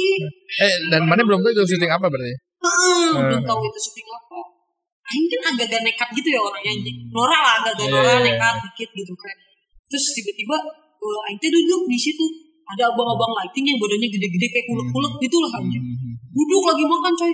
Weh, sini makan makan. Ditawarin makan. Mhm. BTS kan behind the scene. Apa? Gua nggak ngerti anjing pas itu. Oh iya bang, iya bang, makan dulu coy di situ. Oh, tuh, Mak, pada makan Ya dulu. makan dulu, bodo amat lah aing anjing makan dulu di situ. Udah gitu, aing makan ditawarin semangka sama roti selainnya strawberry lah. Ingat kene. Ingat gua anjing detailnya. Set set makan gua pandangin aja terus spot ke spot sutradara. Mhm. Itu tuh eh, apa si si equipment sutradara tuh ada di depan hangover tau nggak? Mhm. Nah, depan hangover itu karena ada ada syuting juga di hangover itu ada syuting di jalannya kan Mhm. di situ. Hangover Cafe kan? Nah, Heeh. depan situ kan, aing spotnya ke sana aja terus. Jadi di sini eh, layar sutradara, di sini kursi sutradara, di sini ada orang sound y- yang yang kan pakai bulu-bulu gitu lah. Gua nggak paham juga itu orang sound Apa eh, gitu, apa ya. gitu. Bukan gua coy, bukan. Mau kamera, gua diem di orang sound. Oke oke, clear area ya, clear area gitu. Terus tiba-tiba, woi woi, wow wow wow, wow bocor bu, bocor bu. Apa anjing, aing nggak nggak paham ya bocor anjing apa? Mungkin karena karena kameranya ada airnya atau apa? Gua nggak paham. Oh bocor bocor. Lah diusirin kan ibu-ibu jangan anjing yang nonton. Gua doang nggak diusir sih aja. Oh, karena mana pakai kamera mungkin ya. Pakai kamera gue di situ. Nah udah kan. Oke, eh cut dulu cut dulu katanya. Action kan udah action. Terus kita ngeliat aktornya mana ya? Hmm. Terus udah kelihatan pas di situ tuh fokusnya ke sutradara aja. Oke cut. Boleh lagi benerin dulu ah itu itunya apa gitu. Udah kayaknya tuh koreksi lagi kan. Hmm. Mungkin ada yang kurang sesuai. Pas di situ tuh gue disamperin sama kayak line crew-nya namanya Budi Tanggeng anjir aing masih Mhm. Eh, ngapain lo di sini? Anak magang lo ya? Hah? Enggak bang, saya nonton aja, ingin belajar, ingin belajar gitu aing masih ingat anjing grogi gitu kan, langsung belajar apa? Iya, lu anak film? Bukan sih. Dari mana sekolahnya? Dari ISBI, eh dari dulu STSI, dari Iya. STSI. Apa tuh sekolah seni? Oh iya iya, gua tahu. ngapain di sini ya pengen belajar aja pengen lihat-lihat gitu caranya bikin film gimana oh gitu oh bang ada kerjaan gak bang buat saya bang belum Mana nekat tuh. oh gua tanya aja. Oh Aing langsung nekat. Oh, ada kerjaan gak bang saya nggak apa-apa bang belum kabel juga. Gitu Aing ngomongnya langsung. Waduh siapa lu? Bisa ngomongin Aing langsung. Siapa lu? Lu bisa apa emangnya? Eh tuh lu bawa kamera sini coba lihat. Gitu. Bentar ya tunggu di sini gitu. Tiba-tiba dipanggil. Jadi ada guru gua pertama tuh di sama Bang Ipung sekarang dia di produser Oh ini. Ipung Purwono Oh bukan Ipung ini. bukan bukan Eh, Pak Lipi. Ipung Eh, bukan Pak Pak Ipung Ipung gitu. ini mah Ipung Purwono sekarang jadi produser filmnya tuh yang kayak yang kayak Oh iya. Sulawesi Lek ya. Iya. Sulawesi Lek kayak gitu gitu lumayan lah filmnya banyak juga nah Hmm. terus tiba-tiba dulu behind the scene Oh, Bang Ipung gitu eh tuh nih ada anak buah lo gitu katanya Oh dia behind the scene dulu Ah, masih masih behind the scene scene. dulu. Oh. Dia lihat kan terus dia ngeliat udah udah berapa lama pakai kamera? Oh kalau digital baru tiga bulan bang. Ya kan dari kurang beli aja kan boleh besok. Lu ikut gua aja. Kerja sama gua. Wah bener bang. Langsung deg-degan yang kayak gitu. anjir kayak kayak kayak deg-degan bahagia gitu loh Jan. Bener bang. Iya bener. Oh, gitu. Kapan bang saya mulai kerja? Ya udah sekarang mau pulang dulu atau langsung mau lihat di sini dulu nggak apa-apa. Besok aja mulainya oh gitu bang bener bang iya iya nggak apa-apa nggak apa-apa di sini aja ya bang saya lihat dulu ya udah nggak apa-apa ya akhirnya singkat cerita orang udah diterima kerja di situ tapi Itu pro produksi film apa? itu Madre ya. Mandre. Oh Vino G. Bastian, Laura almarhum. Didi Petet kan? ah Om Didi di situ ada terus Kenal sutradara- sama Vino G. Bastian? enggak Enggak. Oh. kan dia mah apa tuh gua mah apa tuh ya gua aja ngeliat dia pertama kali grogi jangan gemeter tangan ade terus pas aing pertama kali eh, apa pegang kamera terus behind the scene ngelihat aura-aura pemain film tuh kan aslinya cakep-cakep bener ya. Iya. iya. mulus-mulus kinclong yang bercahaya kayak di film terlalu tampan lah. Iya, nah iya, kayak gitu lah gua ngeliatnya bener-bener kayak gitu. Anjing ini aslinya sumpah ini gua gua tuh malah kayak Nora gitu Jan. Noranya tuh bukan kayak ingin difoto gitu jadi grogi loh. Mhm. Jadi dulu tuh gue kerja bawa lensa gede banyak satu tas gede gitu. Terus bu- harus bawa ini harus ngerekam gambar gitu. Apa? Ngerekam gambar. Oh iya. Lensa 70 lari ke posisi Hmm. ke posisi Bang Ipung. Ke posisi yang ada anak buahnya juga. 50 anjing gimana cara ngebedain lensa wah gue nggak tahu dulu Hmm. bener-bener sampai dari nol itu gue aja Oh. nah gue ngerti kamera itu justru karena gue udah belajar di situ langsung praktek. Karena di sekolah tuh gue bener-bener nggak nggak paham. Nggak diajarin sampai sedetil itu. Karena praktek terus jadi tahu masalahnya kan. Jadi Iya. tahu gue langsung megang 5D coy. Dari 600D gemeter gak gemeter kan? Terus melihat Vino Bastian sama Laura Basuki yang bener-bener kayak terlalu tampan dan terlalu cantik itu loh. Eh, anjing auranya tuh bener-bener aura malaikat lah posisi Iya, itu. iya. grogi jangan aja gemeter uh pas ngumpulin gambar panik gambar apa nih? Gimana sih? Bisa nggak sih mau gambar? Goyang-goyang gini. Hmm. dimarahin. Dimarahin. Di, di goblok-goblok gitu. Tapi dikasih tahu. Udahnya dikasih tahu. Di situ gue mikir gue nggak boleh cepet nyerah. Karena di situ gue juga nyari ilmu kan di situ pertama kali gue syuting sih di Madrid. Jadi film Mandre itu bisa dibilang film film mana yang pertama gitu ya? sejarah terlibat di film besar Nah, terlibat di film gua Ya kan film punya kepemilikan semua betul orang. Kata kolaboratif televisi. kata semuanya sih Kata semuanya gitu. betul. tapi istilahnya jadi pertamanya gue bukan dari dari film gue sendiri bahkan Hmm. jadi gue malah behind the scene dulu Tapi mana pernah pernah bikin film short movie belum? Setelah short sebelum movie pernah sebelum sebelum Oh, ter- terlibat di Madrid itu? Se- sesudah.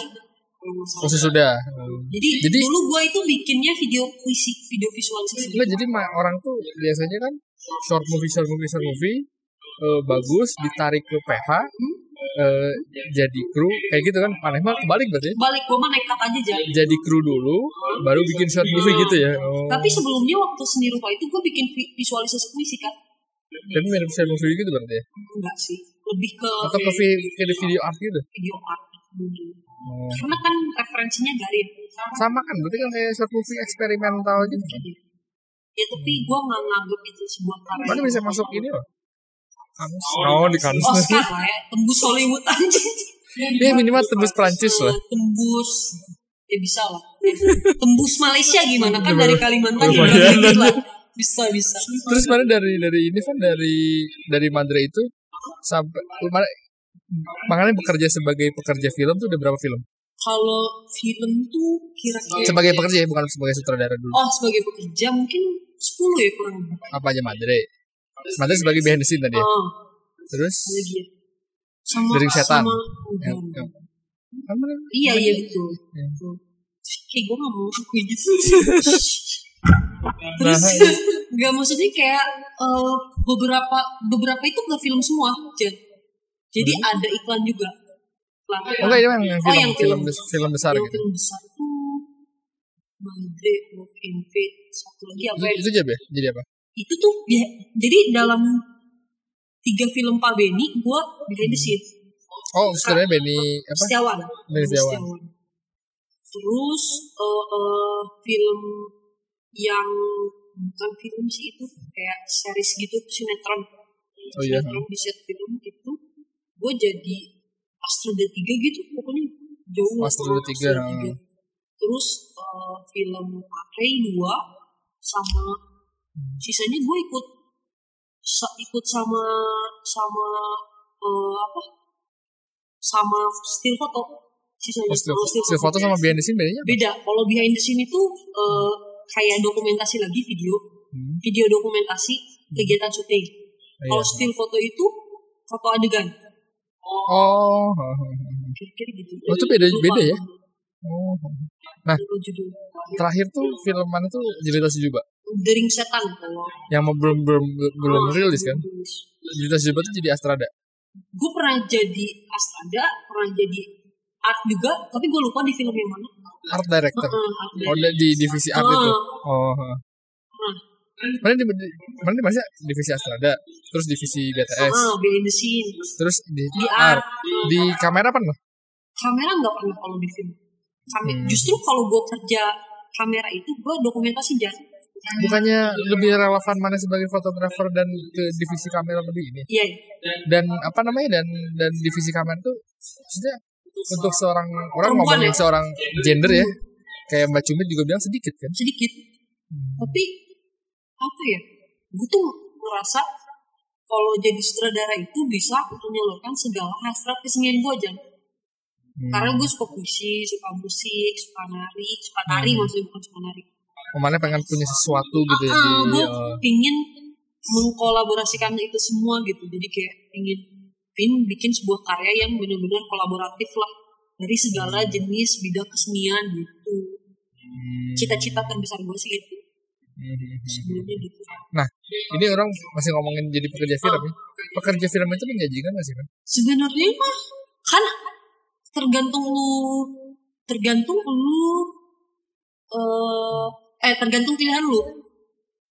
Iya kalau lu mau jadi pekerja yang reguler kayak in house gitu Hmm. ya aman-aman aja sih Oh gajinya maksudnya standarisasi gitu ya? Eh, Oh. aman misalkan sebulan segitu sekian lah terus Hmm. ada tiap bulannya aman tapi kalau mau jadi freelancer itu lu harus bener-bener punya pengalaman banyak dulu sama kok punya punya link dulu lah jadi kan Iya. kalau abis project ini project ini project ini project ini gitu sambung menyambung aja gitu Tapi pasti ada itu kan? ya pasti ada Jan sebenarnya mah gitu kalau kita udah udah punya itu kadang cara Jadi yang harus jaga yang harus dijaga attitude kita sama skill kita berarti. attitude juga hasil Ya, skill kita juga berarti. ya? betul Hmm, hmm, hmm. ya kalau misalkan kerjaan kita nggak kepake ya udah nggak dipakai lagi Hmm. juga kalaupun kerjaan kita bagus tapi etika kita nggak bagus biasanya nggak di calling lagi sih Hmm, hmm, hmm, hmm. Tapi maksudnya kalau mana yang lihat, misalnya mana yang rutin ya, Ah. Per, per apalagi kalau bukan bukan di level tertinggi bukan sutradara atau DP atau apa, mana kan bisa kayak bisa Astrada kan. Orang dengar dari seminarnya Joko Anwar waktu itu, kayak dari jadi Astrada tuh ini dua minggu di film A, nanti bisa bulan depan nanti dua minggu di film B. Jadi tiap bulan tuh bisa bisa berbanyak film gitu. itu Nah itu tuh menjanjikan nggak sih kan dari segi sebenarnya financing? dari segi finansial menjadikan ibarat kata kalau pertama kali lu jadi astrada lah Hmm. Eh, rate-nya bisa di 20 juta ya. Satu Oh, serius? betul. Dalam dalam waktu berapa? Dalam waktu tiga bulan. Ya, Tiga standar bulan. sih kalau segitu kan. Oh, itu standar ya? Iyalah, kalau ngitungin hidup di Jakarta mah Jan. Tiga bulan berarti enam enam jutaan ya? ya? Tapi kan se- ya, kecil ya? sebelum itu kita a- mengalami project-project yang benar-benar nggak dibayar. Sebelum Oh. lu ditanya rate lu berapa, Hmm. ada card rate lu nggak? Hmm. Sebelum kayak gitu tuh bener-bener gue pernah mengalami project yang kayak ya udah Van bantuin gue. Nanti lu dapat kredit titel misalkan di film A, Iya, iya. B, C, D. Tapi enggak. Kredit titel nggak dapet duit nggak dapet. Atau bahkan lu bikin video klip lu Iya. cuma dapet sekian uangnya sama nih kamera buat lo. Kameranya dibawa kabur video klipnya hasilnya dibawa kabur terus lu nggak dapet. Ya per mengalami jatuh bangun dulu Sampai akhirnya juga lu Punya rate sendiri Hmm, ya? punya rate sendiri karena eh, untuk jadi Astrada juga susah kan orang percayanya kalau misalkan Astrada ini kan bukan asisten sutradara, ya kan? bukan Kadang kan orang Ast- Astrada itu yang asistennya sutradara bikinin kopi, bukan kayak gitu kan? Makanya malah manajerial lebih Iya, lebih ribet lagi tuh. kan? bahkan gue mikir gue nggak mampu jadi Astrada sih. Hmm. karena nggak ada dalam nggak ada dalam kemampuan gue list kemampuan gue Hmm. gue paham kemampuan gue ada di mana jadi kalau di ranah ide Hmm. gue cukup mampu kalau di ranah eh, mengatur kayak misalkan semacam mem- Astra- memimpin semacam sutradara gue cukup mampu Kayaknya Astrada tuh kayak ini. ya, kayak produser Enggak kayak jenderal kalau orang mah. Jadi sutradara tuh iya kayak kalau kalau di sutradara tuh kayak presiden. Nah kalau mau perang presiden kan nggak bisa nyuruh anak buahnya kan ngerti sih? Iya. Nah Astrada tuh yang turun ke lapangan Heeh, jadi kan jadi kopter apa Astrada tuh yang mayor gitu. menyentuh eh, Kayak gitu sih? betul jadi kalau sutradara kan dia punya visi misi nah Hmm. visi misi itu kan disampaikan kepada Astrada nah Astrada Hmm. ini yang eh, mengejawantahkan yang membagi waktunya yang yang yang meletakkan harus dilakukan secara teknis yang mana atau Iya, mau iya, di iya. hari apa atau mana dulu yang mau dilakukan Hmm. dan Astrada ini orang yang mengkomunikasikan eh, apa visi misi sutradara itu Hmm. menjadi sebuah kru yang jadwal lain. menjadi sebuah teknis ke kru-kru yang lainnya gitu jadi Hmm. berangkatannya ya ya semacam manage lah semacam Iya, iya, manajer lah gitu Jan gitu jadi Orang soalnya lihat di vlognya Will Smith ya, sutradaranya yang Bad Boy sekarang sampai apa coba? Sampai ke Australia, Australia udah tua pisan. Si sutradaranya masih muda, masih 35-an lah. Terus dia uh, without this guy, this film, this movie is never going to be shoot. Kata dia sampai gitu si Australia itu yang ketawa-ketawa sambil sigar-sigar gitu yang Hollywood Hollywood banget lah gitu. ya jadi intinya mah gue jadi mikir gini Jan kalau dulu gue mikir Astrada itu batu loncatan karena gue pengen jadi sutradara ya Iya. tapi ternyata salah gue salah Astrada itu adalah profesi yang perlu jam terbang tinggi Hmm. dan bukan untuk batu loncatan. Astrada itu perlu eh, perlu apa ya pemahaman sendiri. Jadi perlu sekolah khusus sendiri. Jadi kayak divisi sendiri gitu loh. Iya. Ngerti gak? Kalau mau naik pun Astrada tuh bukan ke sutradara, jadinya Jadi ke produser. lebih ke produser. Dan banyak uh, orang kalau lihat di interview-interview gitu, yang Astrada tuh ya udah, we nggak nggak pengen jadi Astrada ya orang mah Astrada. Iya betul, banyak karena gitu kan. Astrada itu profesi sendiri loh, Jan. Eh, bukan bukan Bukan- jadi bukan batu kenapa nggak mau oh, emang emang Kan banyak yang mau ngomong Astrada kenapa gitu lu nggak jadi sutradara? Karena Astrada mah bukan batu loncat, bukan batu loncatan gitu. Hmm, hmm, hmm, Astrada tuh ya hmm. apa ya menurut gua the best lah jadi gua pun suka salut sama Astrada semenjak gua mengalami jadi Astrada itu Astrada pertama mana tuh pas di Judita Enggak. Sumpah itu oh udah pernah Eh, di dulu. iklan. Di iklan. Di Oh. iklan iklan layanan masyarakat itu waktu gua lagi magang di tempatnya Mas Garin. Oh. Nah terus? Berarti kalau menurut dari segi menjanjikan menjanjikan, ya? Menjanjikan. Menjanjikan sebetulnya. kalau hmm. karena kalau untuk eh, lu yang mau milih hidup di dunia freelancer yang lu perlukan adalah kemampuan lu beradaptasi dan bergaul dengan orang lain. Tapi kalau kalau di dunia freelancer kan Hah? Eh, kita apa pun buka-bukan ya aja apa pun Nggak, ya apa, apa eh, eh, spesifiknya film, betul. Nah, kalau di film ini menurut menurut mana? Eh, pekerja film bukan yang di atas atasnya, ya. pekerja filmnya bisa nggak dapat 100 juta per bulan? bisa Kira-kira bisa bisa 100 juta per bulan gitu. Wih, gede-gede sekali. oh per bulan ya sorry sorry, sorry. Per bulan, bukan per tahun. project Project itu berapa? project itu dua bulan paling cepat dua minggu Berarti sebulannya 50 dong berarti. Gede gede. Betul. Kalau Kalau di BUMN tuh di level direk, direksi siapa? Tapi tapi kan bebannya juga banyak juga ya. Apa contohnya? Kalau jadi astronot tuh. Tapi kalau kalau dia udah punya jam terbang tinggi, semacam Hmm. Bang Jae, semacam eh, eh, Bang Jaya apa? Mbak Astronot. Mbak Prita Gita ya. Oh, Prita Eh, kita. Jae Jae Z Z Sep ya. Namanya siapa sih Hmm. nama terkenalnya? Semacam Bang Eki Cina. Hmm. Ya itu mah udah udah sama kayak sutradara aja kali gajinya. Hmm, hmm, hmm. Soalnya tanpa dia film ini akan jalan selancar itu karena dia tuh bener-bener motor ya. Dia tuh bener-bener tahu teknisnya. Jadi kayak karena karena jam terbang yang tinggi, Hmm. syuting itu udah ada di genggaman tangan dia lah. Jadi Hmm. semua kru itu cepat atau lambat itu terserah dia. Kalau orang tuh pe- pernah mana cerita yang ini yang eh eh, PU ya, apa yang gajinya Oh iya betul. Si PU yang- itu bisa satu juta enam ratus sehari. sehari kan? PU-nya Soraya ya. PU-nya Soraya kalau kita ngomongin beneran gaji beneran ya. Soalnya kan PU kan manusiawi. kesannya kan gimana Kesannya gitu kan? tuh kayak kerja rendahan gitu. Iya. kopi. Menurut gua. Dan ini ya, ini tuh cerita bener, cerita fakta ya. Jadi Hmm. orang-orang yang menjadi sutradara dulunya PU karena PU itu bawahan produksi loh. Jadi satu divisi sama produksi PU itu Hmm. Oh. karena timnya produksi orang-orang produksi itu level paling rendahnya tuh PU. Hmm. Kalau dalam gaji ya. Kalau Iya, iya. dalam level pekerjaan ya mereka berat juga.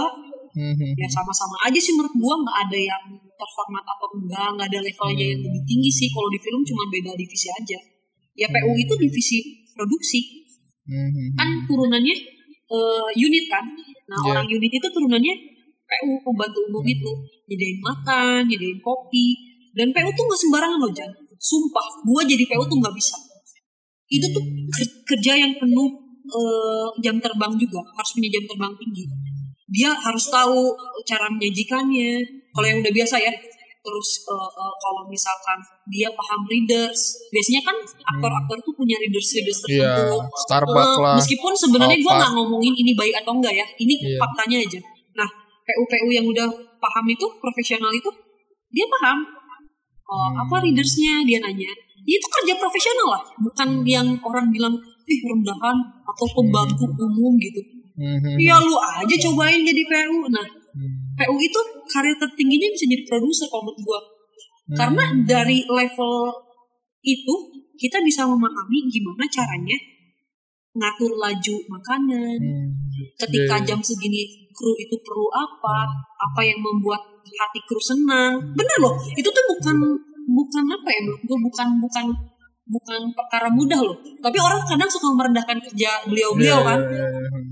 Kalau gua menghormat Soal- sama PU Soalnya orang baca bukunya Om almarhum Om Tino Om, Om Tino tuh, dia tuh kayaknya di bukunya tuh terus benar-benar menghargai tiap ini loh, tiap divisi gitu kan. kalau Segitu dia tuh- yang bener ya Segitu tuh eh, apa almarhum tuh udah maksudnya terhormat banget ya, ya gak sih?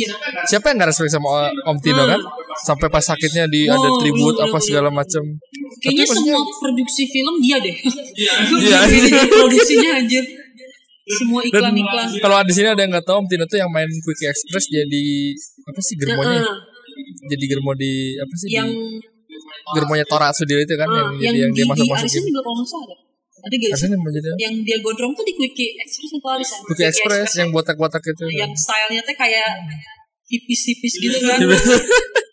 Oh, realita cinta rock and Oh, roll. iya. Jadi ibunya apa? Ibu apa? Suami pacarnya ibunya Junot.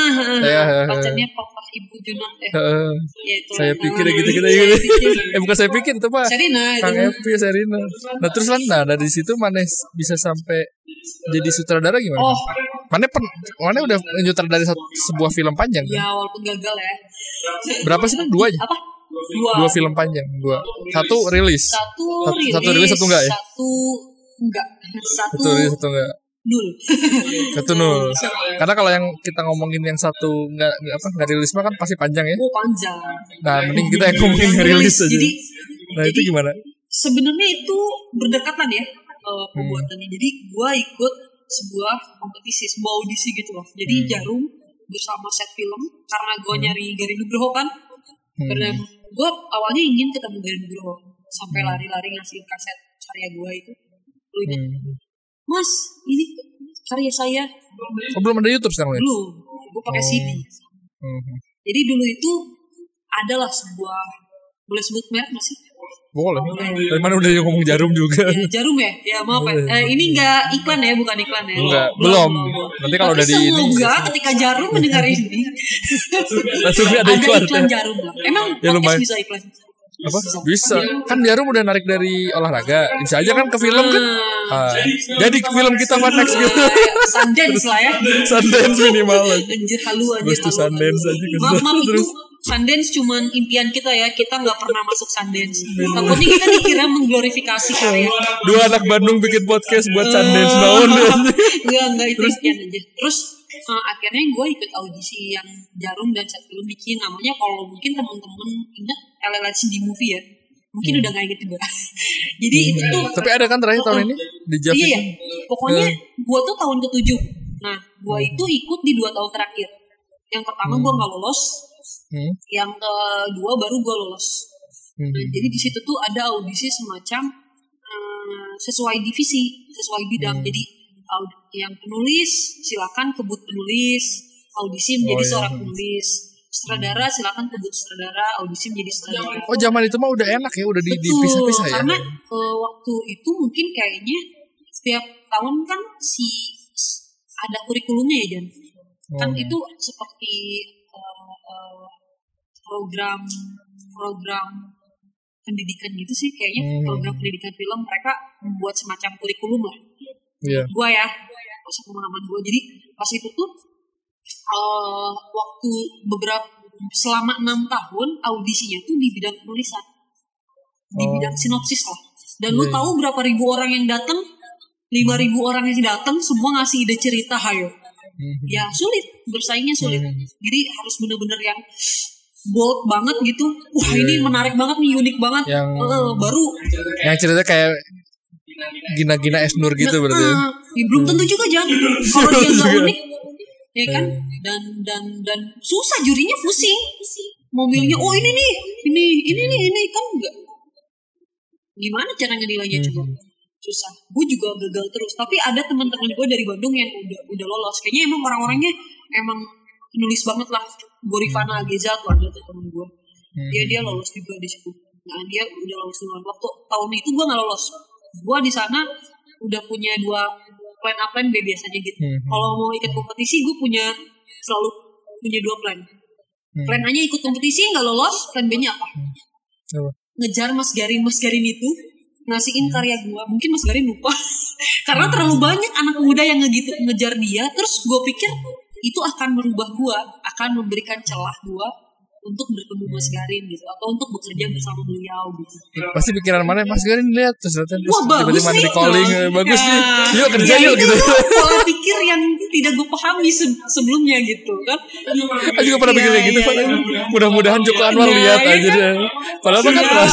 susah juga mereka kan orang sibuk jangan ya Dan film kita nggak bagus-bagus amat iya juga kan. dan kemudian setelahnya cerita lama cerita, cerita setelah itu jauh setelah itu yang akhirnya gue pas magang di Mas Giring gue tahu Hmm. eh, apaan itu mas? Nih CD dilemparin sama dia. Pas gua ngeliat ada tumpukan CD coy. Berdebu salah satunya ada CD air di situ goblok. Kagak dia ternyata setiap CD CD yang anak-anak yang kayak gue yang mas mas ini karya. Nggak dilihat sama dia anjir Karena sibuk Ya, juga karena mungkin. dia ya. orang sibuk sulit lah. Jadi waktu waktu itu plan B gue yang gue kira akan berhasil juga ternyata nggak berhasil. Terus akhirnya eh, udah dari situ gue menjalani hari-hari seperti biasa lah. Kuliah seminggu kelas segala macam. Nah tahun berikutnya itu udah di per divisi sutradara sutradara film-film dari Divisinya apa ya? Sampai Iya, sampai sama- kamera sama- gitu kan? dari dari produksi divisi produksi divisi uh, penyutradaraan uh, DOP DOP terus uh, make up art, Art gitu ada? itu. Make up ada? up, uh, wardrobe Wardrobe gitu ada. Oh. oh, itu jarang ya. Sekarang mah udah nggak ada mana ya? itu itu keren ya sebenarnya tapi Hmm. itu adalah tahun terakhir tahun ketujuh nah adalah Kayak ada teman orang soalnya pengen pengen pengen ini, pengen bikin film. Cuman dia tuh emang orang desain interior kan.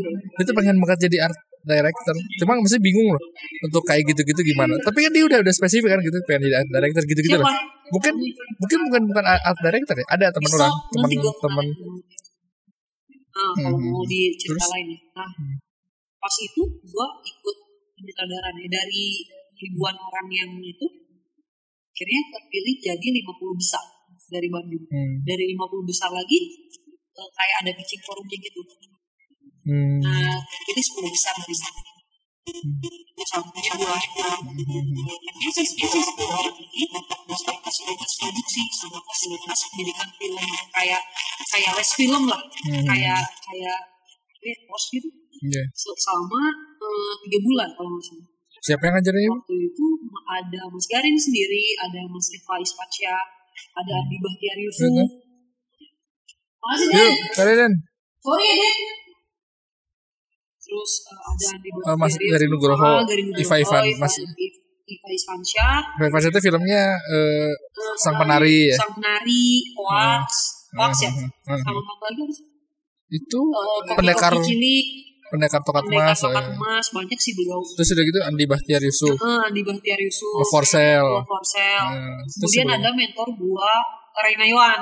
Rena Ya, Yawan kemudian nanti gua banyak kerjasama sama beliau. Nah, eh, ada juga berarti ininya orang bagus-bagus ya si Eh, sutradara ada Anggi Cumit juga, Anggi Friska. oh Mbak Cumit Eh, Mbak Eh, Cumit. emang Mbak Cumit sutradara gitu Bukan. Tapi kita diajarin juga. Jadi Oh. dari berbagai lini kan. Nah, Hmm. jadi kayak ada kalau di OP tuh ada Mbak Cumit, ada ada Mas Yoyo ya kalau nggak salah. Hmm.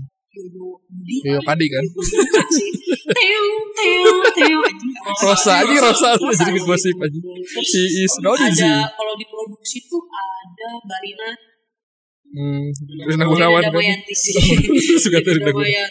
Kalau penulis siapa kan Kalau penulis Mas Jujur Kananto. oh like legendaris ya Mas Jujur, kemudian ada ya itu. Molly oh sebagai penulis ya eh, tapi emang sih ngajarin Joko Anwar sama Molly Surya tuh kena di- sering kalau workshop sering penulis ya Ah, betul. Sama satu lagi, entah Gina, entah Salman Ariston, entah siapa. kayaknya sama sama kayak gini kan masih belum ini atau udah udah, Udah, udah. jauh. tapi masih ini ya Heeh. masih belum kayak sekarang satu gitu lagi cewek ada siapa sih? siapa Midori Midori Iya, anjir. Bukan, Ternyata Midori itu udah pernah, udah jago tuh. Pokoknya paling paling dekat sama kita tuh jujur ya waktu itu jujur kan untuk hmm, habis itu ya belajar belajar biasa aja kayak kalau di art ada siapa gitu. Hmm. terus di editor Mas Pulung Andi oh. Udah se eksis sekarang? Belum? Udah dong Oh, dari dulu udah. dia udah Udah- udah banyak filmnya. nah, udah banyak filmnya karena editor Indonesia kan cuma ada 10 orang. Ya itu itu aja kan. Hmm, hmm, hmm.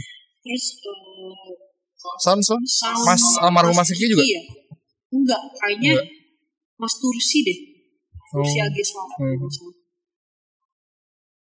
lupa aja pokoknya itu tuh karena gue juga nggak diajarin pas itu nah banyak mentornya banyak. Astradanya termasuk Bang Jaya juga mentorin kita.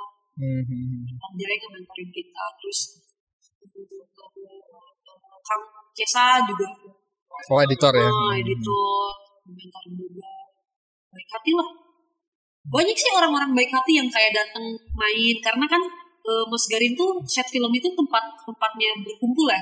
Jadi kalau set film punya program emang di set film itu? Nah, itu kan set film yang yang buat kan. oh. Nah, jadi kalau set film punya program tuh banyak orang-orang baik yang udah hebat-hebat terkenal terkenal Bang Ben Rantau juga. Oh. Nah, yang Yang nggak ngerti bacot, Hollywood. nah. pokoknya sama tuh gue juga gitu tapi beliau baik Iya. orangnya. Jadi kayak sini lo punya kayak gitu-gitu tapi ya nggak kita nggak layak tersinggung lah karena Hmm. menurut gua yang ilmu yang beliau kasih Nah, terus- di movie nah Nah, kemudian program itu tuh kita diajarin dulu uh, sesuai divisi kita ya, sesuai Hmm. bidang kita. Diajarin, habis diajarin gitu, uh, kita di, di, di semacam training lah ya. hmm. Oke, habis itu karena itu formatnya multiplot, ada empat sutradara. Nah, kita disuruh milih untuk Oh, bukan menyutradarai. film pendek kan Bukan, oh langsung itu multiplot. Kita diajarin untuk berkolaborasi. Hmm. kan ada empat sutradara ya walaupun ceritanya beda-beda tapi di- dituntut untuk me- me- membuat sebuah benang merah gitu sama Hmm. sama premis. Premisnya jadi kayak sebenarnya formatnya jadi kayak film panjang kan? Iya, film iya. panjang yang multiplot gitu. Nah Multiplot. berarti kan kita dituntut untuk eh, membuat sebuah premis. Jadi satu film nih. Hmm, hmm, premisnya apa gitu gitu nah, hmm. kita disu- disuruh milih dulu tuh dari keempat cerita itu kamu milih yang mana suka yang mana Hmm. gitu habis Terus? itu habis milih cerita baru kita eh, eh, seperti sutradara pada umumnya Hmm. mem- membreakdown terus memilih aktor Hmm. hmm, terus hmm, visi misi membuat visi misi filmnya Hmm. di sana tuh diajarkan benar-benar detail cara membuat film seperti film beneran karena kita syuting Oh. beneran Hmm. ya kayak kayak bayangin aja amatir disuruh syuting beneran berarti kan harus dilatih dulu kan Tapi me- dengan ada mentornya tetap ada. Oh, ada mentor tapi ketika Iya. membreakdown itu jadi kita udah kayak sekolah film sebenarnya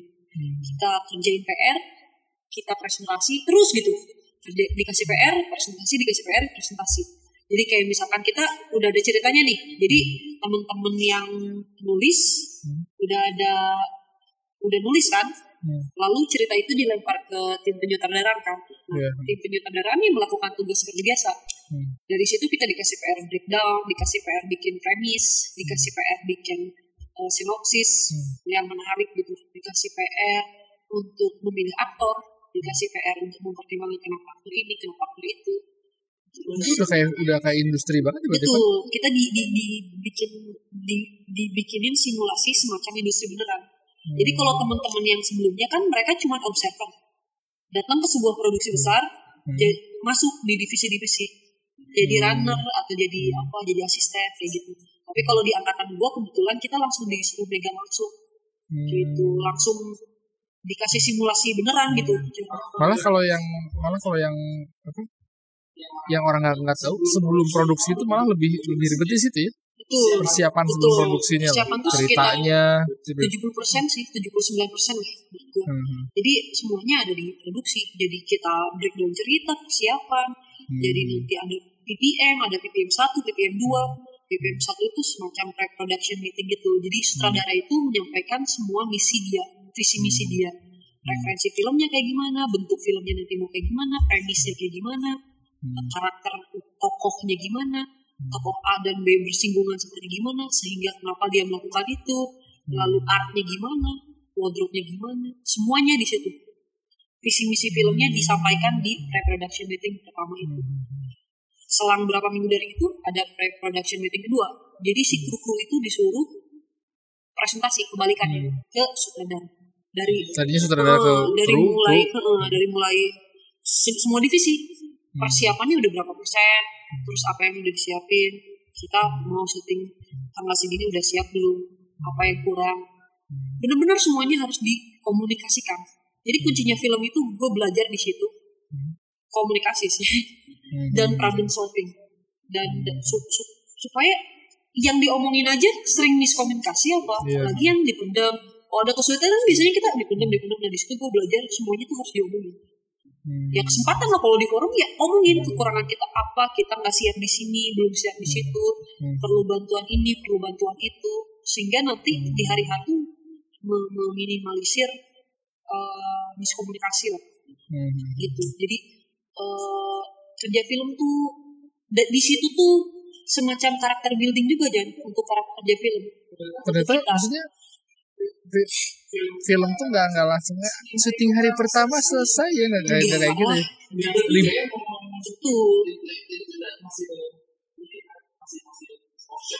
Itu workshop, iya betul workshop. Heeh, belum industri. Heeh, simulasi industri. Jadi kayak eh, kita baru dulu waktu gua ker- jadi sebelum gua bikin film itu kan gua udah kerja di behind the scene kan di film besar di tiga film besar gitu istilahnya gue nggak memahami bahwa kerja sutradara itu sedetail itu bukan ribet sih karena gue juga menikmati sih jalan pas itu walaupun susah walaupun gue sempat ingin menyerah atau segala macam ya wajar lah tapi Hmm. gue menikmati sih nah karena gue gue pikir gue udah tahu film gitu Iya. ketika gue jadi behind the scene tuh ya ternyata gue cuma observer aja Hmm. di situ. Nah, pas gua terjun di situ, gua baru tahu. Nah, karena sebelum bikin urbanisme, gua pernah bikin film panjang. Oh. Nah, yang yang musikal itu. Oh, yang nggak yang gagal itu. Eh, Oh. yang gagal. Sebenarnya itu nggak gagal, Jan. Nggak diedit aja. Iya, maksudnya nggak nggak tayang berarti. Betul. Itu tuh kayak gitu. Sebenarnya dari dari kedua film gue itu gue belajar banyak. Hmm. Cuman ternyata industri itu perlu ketekunan dan perlu usaha lebih ya. Kayak Hmm. maksudnya ketika lu punya film juga satu misalkan atau dua yang nggak nggak nggak langsung lu bisa dapetin film-film selanjutnya juga. gitu. Hmm. Perlu upaya lain gitu. Hmm. Kayak susah lah bener-bener perlu dari nol gitu perlu Hmm. dari nol lagi ternyata ketika lo udah selesai workshop punya karya itu sebenarnya karyanya bisa dipertanggungjawabkan lah Hmm. sebenarnya kita nggak mikir sampai bisa ke Balinale bisa ke, Masih karyanya sampai masuk festival Berlinale. eh, iya, ke Hmm. Jav Tapi segala macam. pasti Jav tuh Jogja film. Jogja eh. Tapi festivalnya bener kan? betul, Betul kan? bisa dicek pas Bisa dicek ya. maksudnya Kalau kalau kita kan orang film bergengsi dong Berlinale sama ya Jogja. alhamdulillah sih bagi aku ya bagi, bagi kita kita sebagai Eh, orang ya ini bagi kan. Tapi orang lain nggak tahu kan eh, apa itu Jav gitu. Eh, mungkin mungkin kita masuk eh, masuk official section kalau di Mhm. Bali terus di Jav tuh special streaming ya Hmm, hmm, hmm. di situ karena bagi kita ya film itu nasibnya bertemu penonton ya Jan. ya sedihnya tuh kalau didiemin gitu film Tapi emang setiap film punya penonton ya, Van? betul ada segmentasinya sih menurut Pasti gua. kayak gitu. pasti Oh. se ya film apa pun pasti punya punya segmentasinya Oh. jadi jadi sebenarnya jangan takut ya bikin karya aja sih sebenarnya tapi dengan sungguh-sungguh ya Hmm. jangan lantas ngerasa film kita tuh udah besar banget gitu Hmm. padahal nggak se nggak seperti yang kita omongin gitu Iya, misalkan ya kita mah bikin film aja. Kalau menurut orang lain bagus ya syukur. Jelek juga nggak apa-apa gitu. Hmm. jadi intinya pe- eh, eh, bagus atau enggaknya dilempar ke penonton lah. Hmm, hmm, hmm. bukan kita yang ngomong. Iya. Nah terus mana sekarang target? Kan udah ja- udah udah jarang ya mana di dunia film. Banyak kan banyak kan foto, sekarang ya. Oh, foto-foto. Karena nyari duit gue gede emang dari fotografer itu lumayan hmm. bisa kalau soalnya kalau di kalau orang juga kerja ya, fotografer tuh eh, dipandang ngerti sih? sebelah mata betul eh, jadi kayak alah foto doang mah gitu Nah, karena sekarang dunianya beda jam. Dulu, gue sempet pernah ingin jadi fotografer wedding. hmm. Gue kesampaian dong jadi Hmm. fotografer wedding. Dan ketika itu masih bergengsi. Hmm. Gue keren gaya. Tapi gara-gara sebuah insiden, gue punya asisten. Gue kerja ke Natuna. Hmm. Harddisk itu, Hmm. dia bawa harddisk gue tiga. Nyebranglah kita sungai, Hmm. basah. Dia waktu pas cerita juga ini Betul, dia nggak ngomong ke gua. Baru tiga hari dia baru ngomong. Nggak, gua bawa di dalam hadis itu ada data pernikahan. oh. Enam proyek pernikahan, Hmm. salah duanya adalah temen gua. Lu kebayang nggak? Hmm, hmm, hmm. Anjir, sampai sekarang Jan, gua masih berupaya mengembalikan data pernikahan itu. Hmm, hmm. Jadi gua nggak ambil lagi wedding sebelum gua bisa. Jadi gua punya nazar, sebelum gua bisa ngebalikin data itu, gua nggak akan ambil lagi wedding. Nah di situ tuh gua di ketika gua mau wedding itu menjanjikan bos. Hmm, hmm, hmm. Walaupun sekarang Apalagi target target pasar mana BSD BSD gitu ya. ah betul di Bandung pun gue udah pasang sekitar dulu ya tahun 2000 2012 Hmm. Tuh 6 juta sekali. Oh, serius? Pribadi mana? Atau se sampai sampai ini? Eh gue ada tim. Oh, ada tim. Oh misalkan itu cuman siraman sama eh, siraman, Private. prewed sama sama Weddingnya. weddingnya Hmm. itu minimal 6 juta. Hmm. Gitu. Soalnya kan kalau wedding itu Kalau untuk di BSD gue pasang harga 15 hmm, 20. sekarang dulu dulu. Sekarang udah gede pasti ya. ya 30 lah naik-naiknya kayak gitu. Soalnya kalau orang tuh merasa kalau fotografer itu mahal ketika pas nikah, Mm-mm. ya kan? Iya Oh betul. mahal ternyata ya gitu. Tapi kalau misalnya ada acara seminar atau apa kayak orang yang ngajuin ngajuin beli lensa ke kantor susah karena maksudnya kan butuh ya Mm. lensa-lensa yang untuk ini apalagi bos orang kan mas foto mas kan Kalau lu kerja ya, kalau lu kerja untuk sebuah instansi. Tapi gue juga sempet ngerjain untuk Dispora dulu. Sering dapat orderan Hmm. dari Dispora. Itu cu- kecil kok, dan cukup kecil. Hmm. Satu project itu satu event ya. Mau sehari, dua hari, tiga hari, cuma 2 juta. Kisarannya Hmm. paling gede 3 juta. Hmm. pernah juga satu juta lima ratus Hmm. ya bayangin kalau gue motret di luar di UNESCO misalkan Hmm. itu bisa itu masih bisa bisa satu hari 5 juta 6 juta jadi Jauh banget ya. uh, jauh banget kalau misalkan gue satu project di UNESCO bisa 16 juta Hmm. 18 juta atau 15 juta kalau di di Spora tuh satu juta lima ratus Terus satu project berapa hari gitu tuh ya? tiga hari bisa Tiga hari. atau satu hari Hmm. pernah juga tiga hari tiga juta pernah Hmm. juga enam hari dua juta ya fluktuatif tapi eh, sebenarnya yang gue cari kan waktu itu adalah eh, link ya pas itu Tapi, tapi berarti emang eh, apa mengubah sudut pandang bahwa freelancer atau eh, fotografer tuh nggak nggak nggak apa ya ada ada Hmm. karir dan ada uangnya gitu ya? Ada aja Hmm. lu jangan lihat gue yang santai. Hmm. terus kok gue tuh nggak pernah beli eh, barang misalkan. Hmm. jadi terus saya pernah nanya mana kan? Ah, minimal mana? Per bulan berapa? Segini maksimal berapa segini karena kaget ya teman-teman orang yang di yang glamor glamor mobilnya mahal-mahal kerja di BUMN dengan segitu Hmm. gitu loh ya karena karena eh, lu jangan ngeliat gue lah ngeliat Hmm. ngeliat temen-temen gue yang yang laptopnya Mac Hmm. Sebenarnya itu kan pilihan kan itu pilihan itu pilihan Hmm. karena juga orang kan prioritasnya beda-beda aja Mhm. tapi Soalnya- sebenarnya kalau lu nanya gue bisa hidup atau enggak gue bisa hidup soalnya ini kan potensi buat ya yang nyari kerja terus punya skill suka kebanyakan ketakutan kan. Kayak orang salah satunya sih. betul. Jadi kayak misalnya di- mending kerja atau kerja kantoran atau passion dia. kalau passion dia kantornya nggak apa-apa ya Hmm. kata teman orang passionnya PNS gitu ya. Udah aja Hmm. passionnya.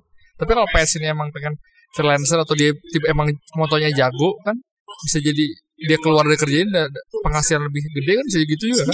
Dunia ini udah udah udah membuat kita mungkin untuk melakukan apa yang kita mau banget. Hmm, hmm, hmm, hmm. Link terbuka seluruh dunia. Terbuka. Ya kan? Hmm, hmm, kita siapa yang nggak punya temen di luar negeri? Umur Iya. umur kita. Hmm, hmm. ya artinya gini kita mau ngelakuin apa bisa? Kayak lu suka foto misalkan. Hmm, udah aja gue jadi seniman foto.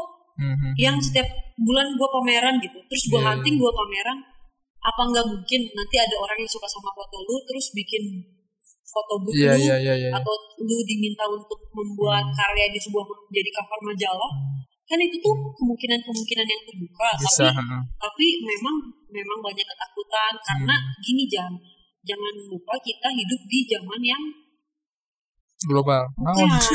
jadi kita hidup di zaman yang eh, eh, peralihan Oh iya. dari dari dari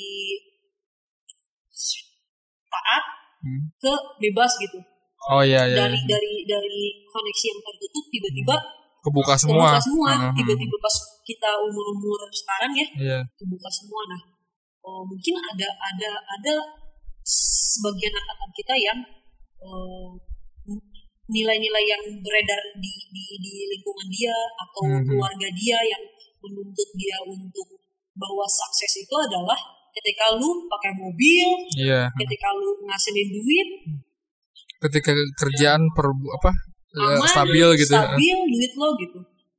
Lu nggak di, dibolehin, nggak diizinin untuk memilih passion hidup lo gitu. Iya iya.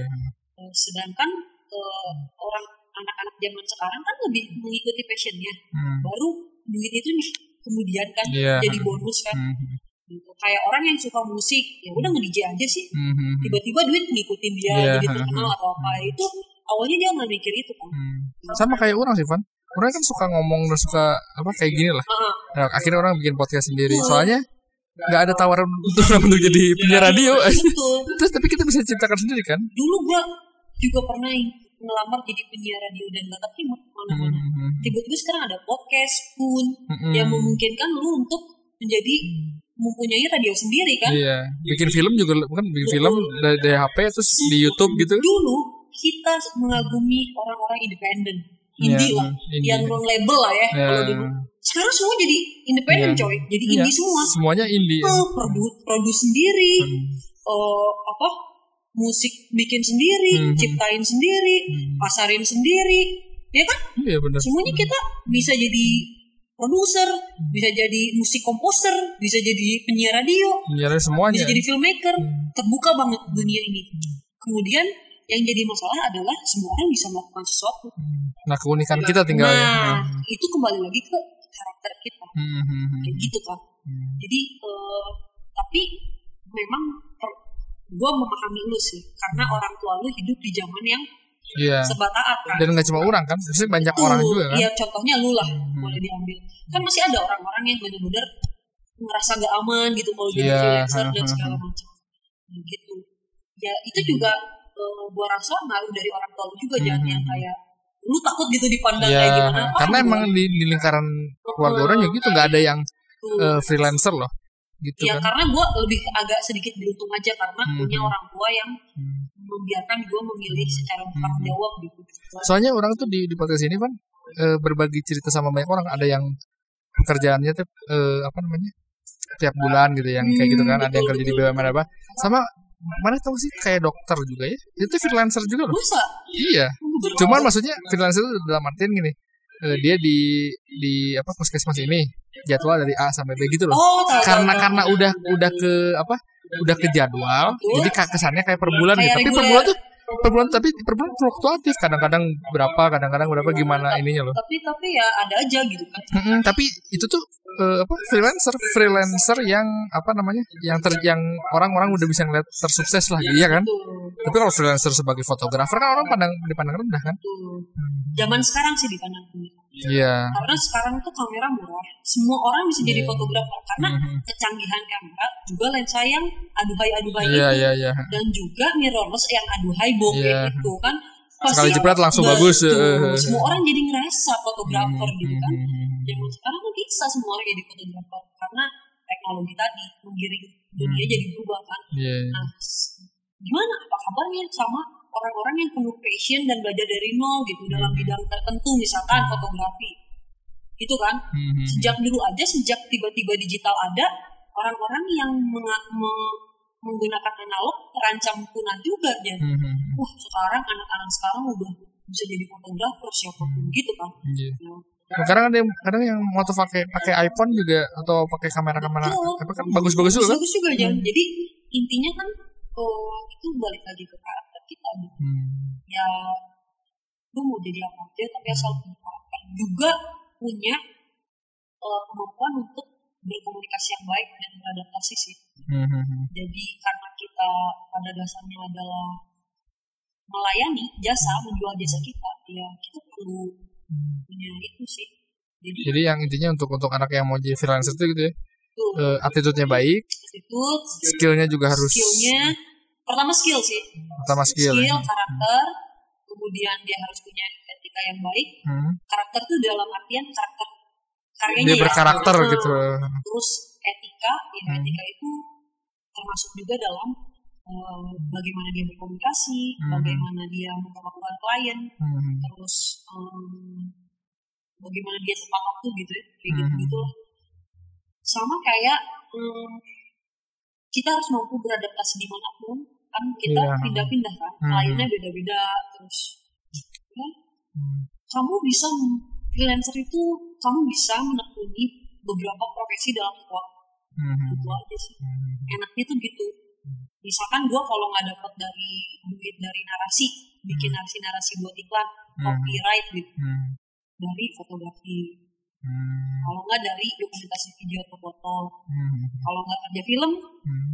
Hmm. Jadi ada pilihan-pilihan ya. tapi impian terbesarnya lu pasti punya target suatu hari lu akan bikin film Nah, mana ter- project ke depan ada film apa kan? Mau ada, bikin film ada lagi? ya? satu film tapi gue belum tanda kontrak karena gue mempertimbangkan gitu Hmm. Sebagai apa? dia mungkin gue di hire sebagai Astrada tapi oh enggak sih Astrada Hmm. lagi karena menurut gue Astrada itu pekerjaan yang harus hebat ya harus jago Hmm. ya dan gue gue tuh malah perlu asisten kalau kerja Kalau jadi Astrada malah Astrada pak ada as- asisten lagi. Ah, gitu jadi kayak eh, enggak lah kalau jadi Astrada ya tapi Hmm. kalau gue tuh juga ingin kalau kerja di film tuh kalau nggak di bidang penyutradaraan di foto di still foto Hmm. foto adegan itu Hmm. menarik hati banget jadi Hmm. kayak kita membuat sebuah bentuk karya lain gitu jadi apresiasinya tuh lain jadi kan kalau nonton film Hmm. Ya udah ngapain bikin still foto adegan loh kita bisa melihat miss scene kita bisa nyiptain frame sendiri Eh biasanya sih foto gitu ada pameran ya sih? Apa? Ada pameran ya kan? Gak ada. Tapi cita-cita gue suatu hari pengen bikin Buat apa sih sih foto tuh sebenarnya? foto adegan itu untuk kebutuhan kebutuhan film. Salah satunya adalah untuk part. Hmm. Misalkan keluarga ini tuh adalah keluarga yang ceria, pernah liburan ke mana ke mana, karakter fotonya kita nyiptain. Oh. studio kah atau mau foto di mana atau mau di luar buat properti-properti gitu Oh, kan iya. bisa bikin sembarangan juga Jan Iya, harus sesuai karakter keluarga kan Iya, iya, ini iya. ada keluarga ini atau ini uh, tentang anak rebel atau apa jenis Hmm. fotonya tuh yang kayak foto-foto konser misalkan Jan Iya, iya. yang bleachnya teh keras gini Iya, kayak iya, kayak iya. gitu-gitu kan kita harus nyiptain gaya kan Hmm. mungkin atau ceritanya tentang uh, uh, keluarga Cina kaya misalkan yang hidup di tahun 1970 ke 1980 kan ada style-style khusus kan. Nah itu yang bikin gue asik sih. Terus ketika motret kan gue kayak bikin adegan lagi. Iya. coba kamu gini gini. Terus gue memandang frame-nya mulai dari mana ya? Ini kan udah ada art film nih udah dibikin sama orangnya ya udah gue manfaatin. Jadi gue mikirin bis omseng juga dong. Oh. Terus sama kayak ada ngedirect film nggak nggak ada target bikin film lagi kan? ingin sih John tapi rencananya gue ingin sama orang baru sih Hmm. Yang project kita itu bukan? betul Betul. yang itu teh. Terus sama yang ini juga Jan katanya ada seorang teman yang kemarin gue ketemu Denny di ruang film yang yang bikin series lagi Oh, yang series kita yang kerjain dulu. Heeh, tapi Oh. dibikin lebih serius gitu ya gue mau lah kalau gitu mah ada ada maksudnya dananya kan proper juga. Hmm. jadi yang gue mau bisa teratasi. Terus gue syuting beneran. Gue pakai kit Nah orang kalau jadi itu mau lah jadi apa dah run, eh, showrunner mah. Kan orang udah udah bisa kan penjamu gitu. Heeh. Kalau editor bisa Denny lah. Ini obrolan sebenarnya harusnya off the record sih. nanti diikat aja. Ya pokoknya eh, gitu. Jadi kayak gue suatu hari juga gue banyak maunya sih Jan. Jadi gue juga ada minat di gue suka foto gue suka puisi gue suka semua hal yang bersifat visual kan. Jadi suatu hari gue pengen ngeluncurin buku foto semua puisi gue sih. Terus bikin pameran seni rupa gitu formatnya. Ilustrasinya tuh di pameran seni rupa ngerti kan kamu kan? Hmm. sama sekaligus launching buku. Oh. gue suka nulis juga. Hmm. ya zaman now lah semua orang ngelakuin semuanya Ya apa? Apa? Palu gada ya? Lu minta gua ada kan? Eh, apa? Eh, gitu-gitu kan? eh. karena gue juga jujur aja gue gue ngerjain segalanya serabutan lah gue pekerja Hmm. serabutan jadi kalau ngomongin gue freelancer sih gue full time filmmaker Hmm. full time ngerjainnya jangan gak freelancer kalau kalau ngerjain filmmaker itu cuman kalau ngomongin gue kerja jenis apa gue kerja jadi serabutan Hmm, hmm, hmm. jadi gue bisa bisa bisa bisa bisa bisa bisa Hmm, presentasi gue bisa gitu itu mas Oke lah. sekarang Mas. Terima kasih banyak udah du- ngobrolan 2 jam loh. Lumayan lah. dan, lu harus ngedit sih kayaknya Ya kalau Lu nggak juga banyak yang nggak jelasnya Oke Fani, terima kasih banyak ininya sama-sama Jan untuk anak apa eh, eh, pesan-pesan buat tadi kan udah buat orang-orang yang mau jadi ini ya. Hmm, semoga ada berfaedah ya karena gue tuh Berfaedah tadi ba- bagus-bagus soalnya. Hmm. Saya kan biasanya eh, pekerja-pekerja kantoran, ini Hmm. ada dari freelancer. Aing pengennya gini nih. Jadi beda-beda loh. Ada Hmm, dokter, freelancer, ada apa gitu. Jadi orang-orang tahu lah.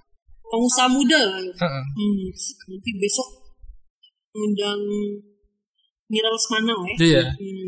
Besoknya lagi ini Zeng kekeren. Pinceng ya Pak itunya spellnya eh, Oh ini ini Chinese. Chinese Oh Levi Cheng. Ceng Cheng. Oh. Je- Nanti mungkin orang ada podcast lagi sama ini sama Mario Lawalata. Nah, udah.